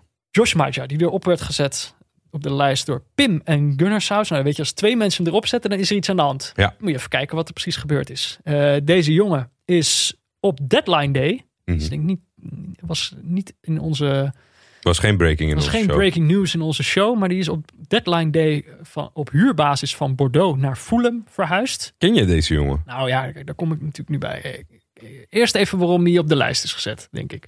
Dat is namelijk omdat hij eh, voor Fulham zijn eerste twee goals maakte. Mhm. Dit, eh, dit weekend tegen Everton nog wel. Twee keer van binnen het 5 meter gebied. Dus één keer een eh, voorzet vanaf de zijkant. Tweede keer een eh, afstandsschot dat tegen de paal gaat en dat hij terug in zijn, in zijn voeten krijgt. Dus gewoon twee keer spits op, het juiste, op de juiste plek stond. Hij speelde omdat een van zijn concurrenten in de spits bij Fulham, Mitrovic, er niet bij was. Die heeft corona, covid, positief getest in ieder geval. Dus die kon er niet bij zijn. Ehm, en Mitrovic heeft in dit hele seizoen pas twee goals gemaakt. Dus eh Josh Maja heeft nu twee wedstrijdjes gespeeld bij Fulham. Heeft evenveel als zijn concurrent. Jij vraagt aan mij, ken je deze jongen? En nee, want Kijk, de serie Sunderland Till I Die. die heb ik natuurlijk heel berucht niet afgekeken. Nee. Ik ben daar ooit aan begonnen. En ik ben niet verder gaan kijken, omdat ik op een gegeven moment dacht, ja, nou weet ik het wel. Mhm. Eh, dus ik heb de hele episode gemist waarin het talent van Sunderland, Josh Maja, op 19-jarige leeftijd, eh, een piept, een peert bij, eh, bij Sunderland. Op een niet heel prettige wijze. Het is hem nooit in dank afgenomen. Het is een beetje de villain van die serie, had ik begrepen. Ja. Dus hij vertrekt Ja. naar, naar, naar Bordeaux. Ja, maar het is natuurlijk het is ook, ook altijd als iemand vertrekt, dan levert het de club natuurlijk ook wel wat ruimte op, op op andere gebieden. Maar ja, hij was wel een van de weinigen die over was gebleven die kon voetballen en was op deze manier vertrokken. Mhm. En eh, Bordeaux Hij scoorde heel erg veel. was misschien even iets, een, een stapje te hoog. Ik, ik Ja. denk wel dat het hoopvol is dat het is heel gek, want je gaat nu zeg maar een soort van voor Engelse begrippen is dit wel een mindfuck. Je gaat van eh, Engeland naar de Farmers League. Ja. En dan zit je bij Bordeaux en dan word je van de Farmers League teruggehuurd. En dan doe je het goed in de Premier League. Want hij is, hij is wel verhuurd. Dus hij, hij- hij- het is nog niet helemaal afgesloten, het boek bij Bordeaux. Maar ik verwacht dat als hij nog een paar keer een, een leuk doelpuntje maakt, dat hij wel daar blijft. Ja, maar op, hij heeft in ieder geval wat Sunderland of eh, Fulham won ook van, eh, van Everton. Dus ik neem aan, zij kunnen elk punt goed gebruiken. Ze staan nu nog zeven punten onder de degradatiestreep. Dat je deze gewoon laat staan. Als je er twee in heeft liggen, die mag wel even blijven staan. Clubtopscorer heeft er volgens mij vijf. Dus we moeten nog een paar maken en dan is hij clubtopscorer. Ehm, ik loog trouwens net toen ik zei dat ik hem niet kende. Ik ken hem wel. Ik heb natuurlijk met Sunderland eh, toen eh, voetbalmanager gespeeld. Ja. En Was hij goed? ik weet niet meer precies welke editie het was. Hij was vreselijk goed. Het was de eerste editie waarin je de pressing forward had. Dus een soort een spits die druk zet. En toen ik die, hem die rol gaf in de spits, toen scoorde hij verschrikkelijk eh, veel. Dus het was een beetje... Wel warme herinnering aan hem. Zeker, zeker. Leuk om, altijd leuk om dan zo iemand uit een computerspelletje te zien dat hij het echt ook kan. Nog één feitje voor jou. Jordi, het Jordi-tintje Oh, aan deze speler. Ja, dat is er ook. rode kaarten. Nee, hij is natuurlijk. eh, hij is Engels. Hij is Engels-Nigeriaans. Ja. Maar hij heeft één interland gespeeld voor het Nigeriaanse elftal. Oh. Hij is overgehaald om daar te spelen door Gerno Roor. Mm, mm. Dus eh, nou, er staat hem nog genoeg te wachten in zijn carrière. Wat een ellendige keuze, Josh. Succes. Eh, aardappel heb Ronnie erop gezet. Ik heb het vermoeden omdat er nog een keer ook eh, eh, Ron Vlaar op staat. Ik zit even te kijken voor wie. Dat we de credits kunnen geven. De Kroef. Kroef. Ron Beton. Karton Vlaar. Ja, die per direct gestopt met voetballen. Ja, Sommigen sommige zeggen dat het al, misschien al eerder was, maar dat het nu dus ook kenbaar was gemaakt. Prachtig eerbetoon van Boscali eh tijdens Ajax PSV aan, aan Ron Vlaar. De, de welbekende wedstrijd. Nou ja, ik vind het gewoon mooi dat die, hoe die jongen zich herpakt heeft. is natuurlijk helemaal Wat bedoel je? de grond ingeboord. Nou, het Ron, eerbetoon? nou ja, Ron Vlaar is toch die wedstrijd tegen Luca Toni. Hij komt in het Nederlands elftal als, als begenadigd talent. Luca Toni laat hem in één interland alle hoeken van het veld zien. En eigenlijk denkt iedereen van we zien hem nooit meer. Hmm. Eh, Nou, ik herinner hem eigenlijk meer aan het WK met eh, Louis van Gaal. Waarin hij tegen Argentinië op een gegeven moment zijn hoofd een tackle maakt op Higuain. Ja, maar dat, dat, dat, dat toernooi en, en mede door, door Louis van Gaal's keuzes is, is zijn, is zijn eh, ja, toch, Is hij gerehabiliteerd? ja, absoluut wel. En Ja. er, zat, er zat meer in. Het is gewoon, weet je, een recht toe, recht aan eh, eh, keiharde werker. Die natuurlijk op een gegeven moment in Engeland ook wel echt op zijn plek had geweest, maar fysiek niet altijd. Er gaat een, eh, er gaat een gerespecteerd international. eh, Die, gewoon die hele weg. generatie stopt, stopt nu één voor één. Ja. Iedere keer is dat, doet dat toch weer eventjes pijn. Dat je denkt, oh jeetje. Ik kan gewoon, weet je wel, die Ron Beton. Toen had hij nog niet eens die naam. Toen hij eh, debuteerde en toen hij stekeltjes had en zo. Ik Ja. kan me dat gewoon nog herinneren. mhm. Nou ja, en dan is zo'n jongen opeens, eh, ziet hij er toch gewoon eh, volwassen uit. En stopt hij met voetballen. Ja, dan, dan word je zelf ook een paar dagen ouder. Ik ben heel benieuwd. Anders doe ik het wel, want ik heb het opgezocht. Maar of jij eh, een mening had over de namen die Tessa en even spieken San Marco en nog eentje zag ik voorbij Maar is het komen. die Italiaan? Nee, die Oh. hebben de naam eh eh, Jacques Zwart en Jack van Gelder neergezet. Ja, dit is helemaal langs mij heen gegaan. Is dat helemaal langs jou heen gegaan? Ik vind ook eigenlijk, we moeten nu het onderscheid maken. Het is al een paar keer, we hebben natuurlijk zelf ook de fout gemaakt door er een paar keer over te praten. Ja. Maar ehm, zijn we nou zijn we een voetbalpodcast of zijn we een knikkerpodcast? Dat is eigenlijk het onderscheid, de keuze die we nu moeten maken. Oh, Want ja. ik ga niet, als we geen knikkerpodcast zijn, dan ga ik niet iedere week over Jack Vergelder praten. Nee, daar heb je gelijk in. Ik was dat hele. Ik was. eh, nou ja, bij deze dan, dan eh, is, is niemand uit de. Uit, kunnen niemand uit de knikkenwereld meer op de namenlijst. Is dat nu Eh, bepaald? Nee, want ik bedoel, dan kunnen we bezig blijven, toch? Dan, als we de sport worden- erbij gaan moeten we pakken. een Marble Mania recap show maken. Nou ja, precies. Knikkertalk. Knikkertalk. Nou, daar, be- daar begin ik niet aan hoor. Oké. Eh, Jean-Paul Risson heeft hem erop gezet, dus ik moet hem behandelen. En ik vind het een moeilijk punt. William Saliba, Ja, die is. De route. Hij is op jonge leeftijd door Arsenal gehaald voor 30 miljoen. mhm, Van Saint-Etienne, geloof ik. Niet zo heel lang geleden. Eh, en Arteta heeft er... eh, hij werd toen gehaald door Unai Emery. Die heeft in ieder geval de transfer eh, beklonken. En Arteta heeft een paar keer naar hem gekeken. Heeft drie wedstrijdjes gezien. Dacht toen, nou deze jongen die kan het niet. Moet weer weg. En nou zit hij op huurbasis bij Nice. En dat gaat fantastisch. Zij hebben niet een ontzettende impuls gegeven op sportieve redenen. Maar hij staat hier natuurlijk niet eh, om sportieve redenen op de lijst. Nee, want hij is ook in opspraak. Ja, Raakt door een filmpje op het internet. wat ik echt heel raar vind. Omdat de enige, eigenlijk de enige reden dat ik dit bespreek... stel dat dit een, een, een, een solo setting of, of, of met een vriendin of wat dan ook was geweest... Dan, dan zou ik dit skippen. Alleen, deze jongen is met zijn fluit aan het spelen... in het bijzijn van teamgenoten... Nee, het is anders. Nee, Er is een filmpje dat hij heeft gemaakt. waarin toch een andere speler.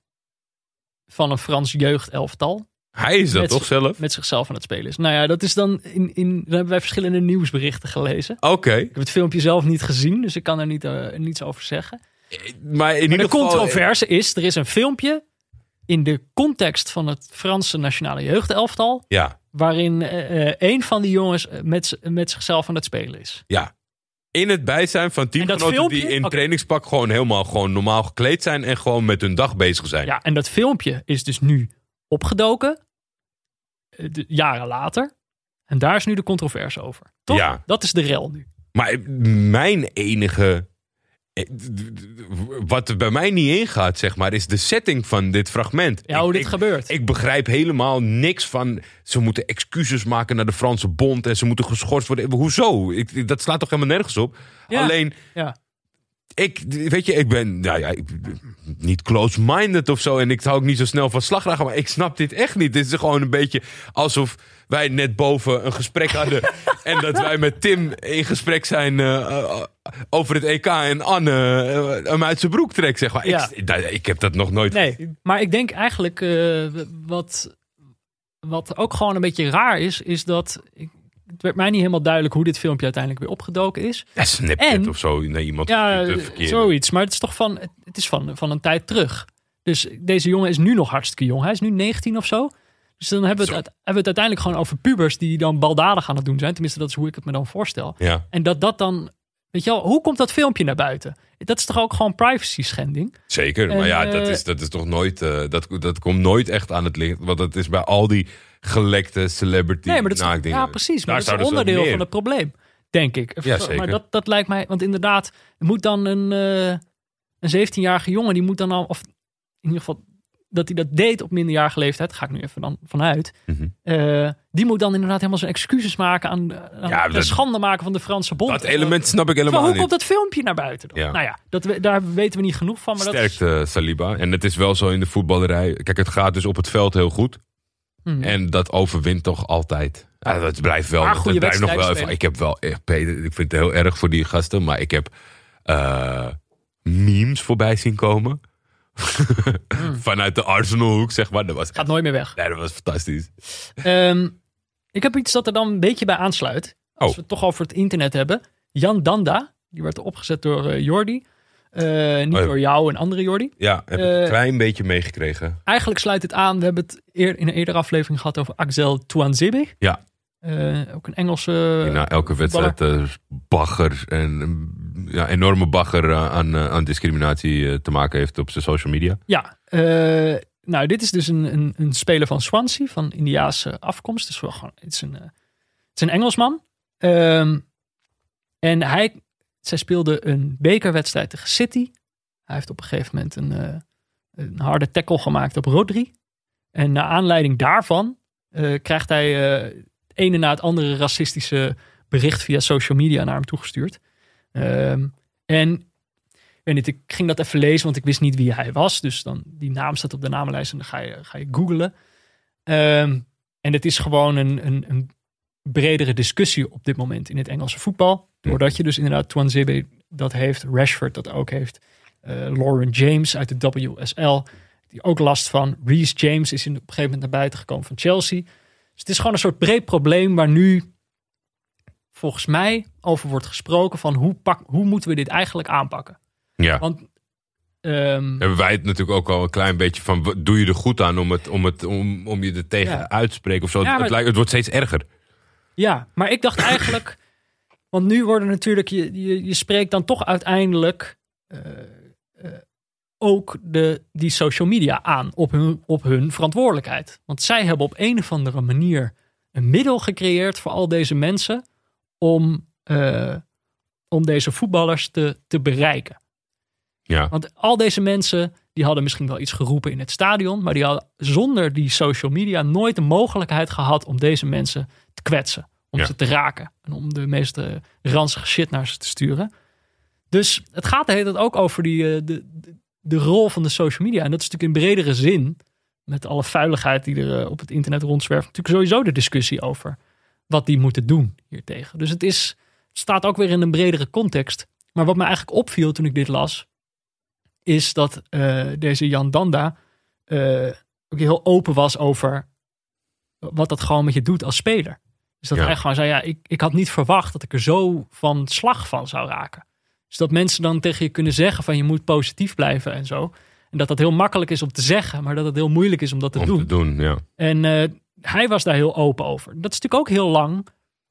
eh, dat het toch een mannensport is, voetbal. Van ja, je moet, weet je wel, je moet het je niet laten raken. Eh, maar ja, ik denk dat je echt niet moet onderschatten hoezeer dat je spel ook kan beïnvloeden. En dat is natuurlijk waar wij naar kijken, staat hier niet los van. Dat is natuurlijk wat mensen vaak zeggen. Van eh, het heeft niks met de sport te maken of zo. Terwijl zo'n speler, zo'n Jan Damda, die staat de eerst volgende wedstrijd staat hij minder lekker op het veld. Doordat hij allemaal bagger in zijn inbox eh, Zeker. krijgt. Doordat mensen hem met de dood bedreigen. Dus het is, het is niet los van elkaar te zien. Ik denk ook niet dat we dat los van elkaar moeten halen. En uiteindelijk denk ik, je kan de mooiste symbolen hebben. Je kan voor iedere wedstrijd knielen.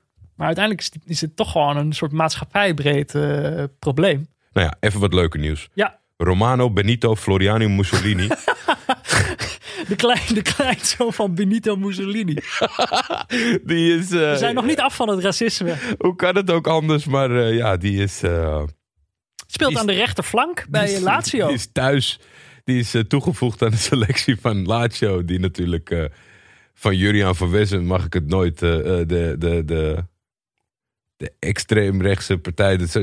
Er liggen wat nuances in het verleden. Maar ze, ze flirten mij iets te veel met. zitten net iets te veel nazi's op de tribune als je het mij vraagt. Exact. Dus ja, wat, eh, ja was- de, de cirkel is rond. Eh, De, de achterkleinzoon Ja. heeft het eerste behaald. Nou ja, de, de cirkel is rond. Terwijl ik ook... Hij, hij is ook nog eens min of meer naar hem vernoemd. Dus hij heeft ook nog Benito, is zijn tweede naam geloof ik. Eh, Mussolini is zijn achternaam. Ehm, maar Nou, ja, die achternaam kan je niks aan doen. Die tweede naam is Nee. natuurlijk wel een beetje. Maar, Nee, maar zijn- dat is uiteindelijk- Zijn dochter was toch al eh, uitgesproken Lazio-fan en eh tartte altijd eh, dat soort uitspraken. Ja. Dus ja, die familie is niet, is niet dat ze denken: oh, het was opa. Opa had het niet bij het juiste eind. nee, maar aan de andere kant hebben we het natuurlijk wel gewoon over een... Ook over een 18-jarige jongen geloof ik. Die dan dat hele, hele verleden met zich meedraagt. Ik bedoel, hij kan er niks aan doen. Dat zijn ouders. Dat dat zijn familie grappig is. is. Ja, nee, dat oké. Dus ja. dan wordt er ook steeds weer gezegd zo van... Hij wordt puur... Weet je, wat, gaat bij hem echt alleen maar over voetbal. Hij wil niet over politiek praten. Maar je ontkomt er gewoon niet aan. En, Nou, eh, Benito, met zo'n eh, achternaam... 3-0 gewonnen, zeg het is. Ja, dat gaat gewoon niet. Er, daar valt weinig aan te doen. Wat ik, wat ik echt iets wil zeggen. Nee, maar wat ik toch bedoel is... Stel, je achternaam is Hitler. Dan, ga je, dan neem je toch een andere achternaam voor in het voetbal. Er zijn toch zat spelers die om mindere redenen... met een andere naam op hun shirt hebben gespeeld. Dus dat je... je dat het me toch verbaast dat zo iemand gewoon min of meer dezelfde naam heeft. En dan, ik bedoel, hij kan er niks aan doen. Maar ik denk, ik kan me niet voorstellen dat er in de Nederlandse competitie iemand met Hitler achterop zou spelen. Hm. Toch?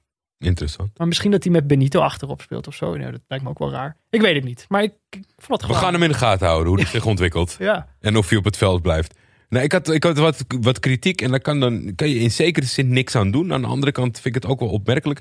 Itwer, die heeft eh, FC eh, Tatran eh, Cherny Balog erop gezet. Dat is volgens mij Slowakije of iets. Dat is de club met... eh, Met de choo-choo. met de stoomtrein. Met, met de choo-choo voor de deur. dit- als je dit nog niet hebt gezien... Maar dat is al, ik, ben je- dat, heb dat je ooit is al 100 jaar oud. Precies, als je dit niet hebt gezien, heb je dan ooit ingelogd op het internet? Ja, Want het is een voetbalveld met dan tussen de tribune en het veld, daar ligt een eh, treinrails en daar rijdt dan een stoomtrein af en toe overheen.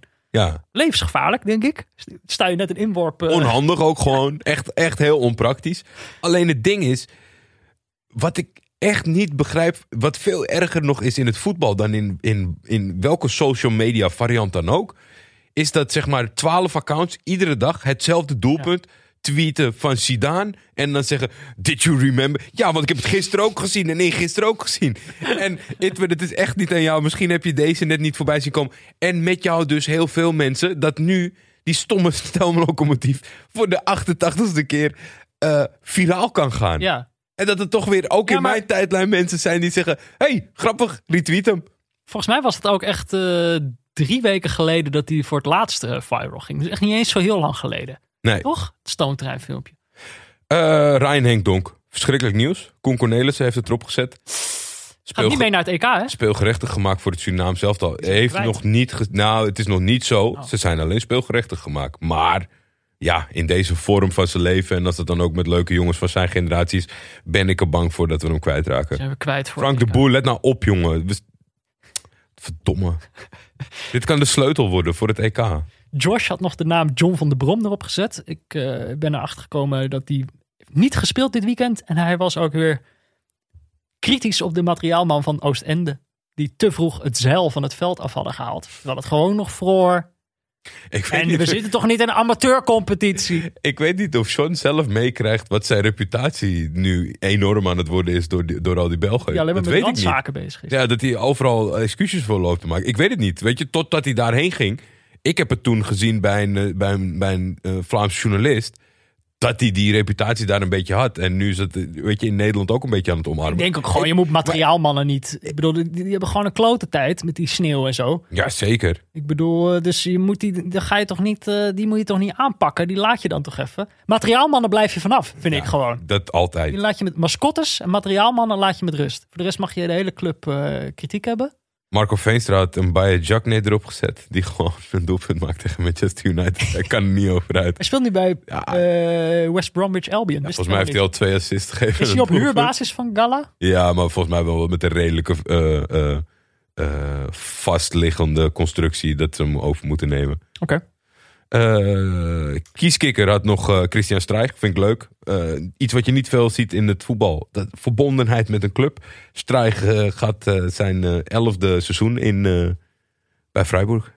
Heerlijk. En aan één gesloten, toch? Dus Ja. niet... Ja, ja, ja, het is niet een, niet een Huub Steven, een Huub, ik wou Huub Stavel zeggen, Huub Stevens die, die steeds weggaat en weer terugkomt. Gewoon aan één stuk door. Christian Straag. Ik, Stukje beleid. ik wilde nog eentje noemen. Michiel Kramer. Natuurlijk een doelpunt gemaakt. eh, de gelijkmaker tegen PSV in de laatste minuut met een Ja. omhaal. Werd er opgezet door Arnoud. En ik zag een interviewtje voorbij, voorbij komen. Wat ik opeens dan een heel goed voorbeeld vind van hoe het vaak gaat. eh, als een speler geïnterviewd wordt. Wacht, ik ga hem gewoon even aan je laten horen. Probeer ik daarna te duiden. Ik dacht dat eh, dit soort doelpunten alleen door eh, Ronaldo en eh Ibrahimovic gemaakt worden. Ja, zo mooi was hij ook niet hoor.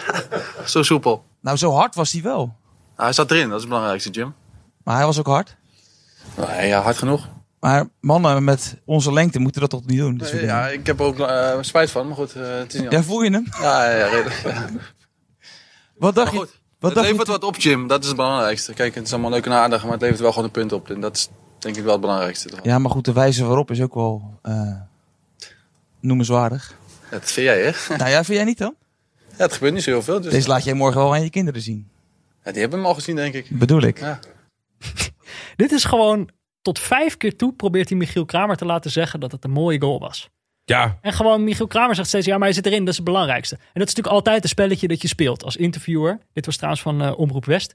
Eh, dus ze kennen ik, elkaar. het klonk al erg eh, lokaal. Ja, maar Qua het inhoud. is natuurlijk altijd het spelletje dat je, dat je speelt met een, eh, met een speler. Van je probeert hem meer te laten zeggen dan hij eigenlijk wil zeggen. Ja, Ik denk, na drie keer moet je het opgeven. eens. En hij gaat er dan gewoon nog twee keer wil je hem laten zeggen dat hij mooi is. Ja, maar Jim. Hij zit erin, dat is het belangrijkste. Ah. Heel goed geprobeerd, heel goed geprobeerd. Hij zit erin, dat is het belangrijkste. Eh, dan ben ik door de namen heen. Ik ook. Dank Eh, allemaal weer. Ja, dankjewel. Jordi, we moeten sowieso onze vrienden van de show even bedanken. Ja, Eh, als je nou ook een naam op de lijst wil zetten, dan kan dat eh, als je vriend van de show wordt via vriendvandeshow.nl slash neutrale kijkers. Vorige week zaten we te klagen ja. dat we daar maar één hadden in die week. Maar dat werkt dus, Jordi. Ja, Emotionele chantage werkt. Dit is natuurlijk, meerdere podcasts zijn bezig met hoe, eh, hoe, hoe verwerk je vriend van de show het beste in je programma. Nou, ik zeg emotionele chantage. We hebben er nu 285, 11 erbij. Zal ik ze heel even allemaal opnoemen? zeker weten. Wie we erbij hebben gekregen zijn, even kijken, Wouter Berkhoff, Ja, Jos, welkom. Frank, Dimitri, Daan, Janko, Max, Quinten, Frooibaat, Satya Den Boer en Gloppertje. Prachtige namen weer deze week. En allemaal hartstikke bedankt voor het worden van een vriend van de show. En zo voelt dat ook. Welkom in onze, in onze vriendengroep. Dan moeten we nog heel even snel, naam die er altijd op staat, Mourinho. Het gaat niet goed met hem. Ik, ja, kijk, als het goed gaat met Mourinho is dat goed voor ons allemaal. Het gaat nu heel slecht met Mourinho. Mhm. Eh, door de week met 5-4 verloren van Everton. Ja. Na verlenging 120 minuten gespeeld. Nou, dan moest hij in eh, het weekend tegen Pep. Dan is Mourinho vaak nog wel eh, te porren. Dat gaat meestal wel goed. Dat lukte zelfs niet. Werd, Nee. Terwijl wij naar Larn zaten te kijken, werd José volledig van het veld geveegd door Manchester City. En ik zag een statistiek voorbij komen, Match of the Day. Ik ook. Sinds 21 november, dat is de laatste keer dat ze tegen elkaar speelden, toen Tottenham van hun won. Sinds die wedstrijd heeft City 41 punten uit 15 gehaald en Tottenham 16 uit 14. Niet normaal. City is natuurlijk volledig in vorm en Tottenham is het helemaal kwijt. En dan zie je een beetje in wat voor een business wij zitten. Het praten over voetbal is gewoon, dat kan in drie maanden kan het helemaal omslaan wie er nou kans heeft op wat. Ik ben vooral angstig, eh, zeg maar, omdat we altijd hebben uitgesproken... als het goed gaat met hem, dan gaat het goed met ons. Het gaat verschrikkelijk. Wat, wat, wat, zit ons, wat staat ons te wachten? Nou ja, ik hij moet op een gegeven moment breken. Ja. Dat is wat er nodig is. En gewoon eh, weer, de, weer de oude worden. Want hij zit nu dan weer allemaal heel verstandige dingen te zeggen in een interview. Dan denk ik, waar ben je mee bezig, man? Volgende week gaan wij kijken naar een kraker in de Braziliaanse Serie A. Internationaal met 69 punten krijgt Flamengo op bezoek met 68 punten. En ja, dat wordt een wedstrijd op leven of dood. Eh, hij is door meerdere mensen aangehaald. We hebben een luisteraar in, eh, in, in Brazilië, Mirko. Jij hebt een berichtje van Wouter Berghoff. Peter van der Leun is natuurlijk eh, de GOAT eh, wat betreft is, Ja. of de Serie A-watcher uh, puur Drie, tip- drie tips. Ja. Deze wedstrijd konden we echt niet heen. Maar de ingrediënten zijn ook alles wat ik wil hebben. En ik ben heel erg benieuwd eh, hoe het zal zijn eh, eh, met deze coronatijd. Maar eh, we gaan er, eh, ja, ik, ik, ik kijk er enorm naar uit. Zeker, ik ook. Eh, en ze hebben zelfs rekening gehouden met ons. Het is natuurlijk Brazilië. Dan eh, kan het nog wel eens nachtwerk. Nachtwerk, ja. Maar dat is ook nu niet zo. De wedstrijd is zondag 21 februari om 8 uur. Yes. Dus als je mee wil kijken, doe dat vooral. Nou goed, voordat we gaan afsluiten, Jordi, wil ik nog heel even weten hoe Edgar Davids het het weekend gedaan heeft. Het was bijna fantastisch. Valentijnsdag op bezoek bij de koploper Victoria Setubal. Eigenlijk de enige kans om nog, eh, om nog voor de titel te gaan. Ik zit te kijken. Het loopt niet. Ze zijn wel op voorsprong. Of tenminste, ze kwamen op achterstand. Kwamen op, op gelijke hoogte. Eigenlijk zou het naar een, naar een, naar een saaie gelijkspel eindigde het. En toen vijf minuten voor tijd was daar ineens een doelpunt. 1-2 voor Olanense. Het wonder ging gebeuren. Ja. Eh, ze braken de tent af, maar de scheidsrechter die, die kantelde volledig. Elke, als je naar iemand keek van Setubal, dan ging hij al. Dus ik was, maakte me erg zorgen daarom. Jij een herkende, jij zag Turkse taferelen. Behoorlijk, ja. En op een gegeven moment weet de- de keeper nog de bal vlak voor de lijn te houden. En één seconde later een, een, een penalty. Een 2-2 in de slotfase. Eh, Emotioneel gebroken. Het, was, eh, het, het kwam aan, dit gelijke spel. Er zat zoveel in. Edgar Davids. Dan gaan we nog heel even naar Varjim. Die hebben weer een puntje gesprokkeld. 0-0 Ja. tegen nummer 6 Aruca. Ja. Dus nu één punt boven de nummer laatst. FC Porto B. Maar de degradatiestreep is ver weg. Gaan ze niet meer halen. Absoluut niet. Oké Jordi. Neutrale Kijkers is mede mogelijk gemaakt door Dag en Nacht Media. De hoofdsponsor op de borst is Auto.nl. Muziek is Tachanka van Leon Lischner en Friends en een adaptatie daarvan van Studio Cloak. De gegenpressing jingle is van Laurens Collet en de diepteanalyse van Pieter Zwart. De artwork is nog altijd van Barry Pirovano. Wil je meepraten? Dat kan. Je kan ons volgen op Twitter via @buurtvader of @defef. Je kan ons mailen op neutralekijkers.gmail.com. Of je kan een berichtje sturen via vriendvandeshow.nl slash neutrale kijkers. En verder, hou afstand, blijf neutraal, Eh, kijk nog uit, het kan nog er- hier en daar een beetje glad zijn. Jazeker. Eh, en volgende week zijn we er dus weer in Brazilië. Tot dan. Laat je niet opjagen, hè? Laat je nooit opjagen, mensen. Laat je nooit opjagen. Gewoon doen wat je moet doen. Daar is tijd en ruimte voor gemaakt. It's been a wet and windy night here at Larne, but the home side won't care. They finish the game 3 0 winners over the Gannon Swifts.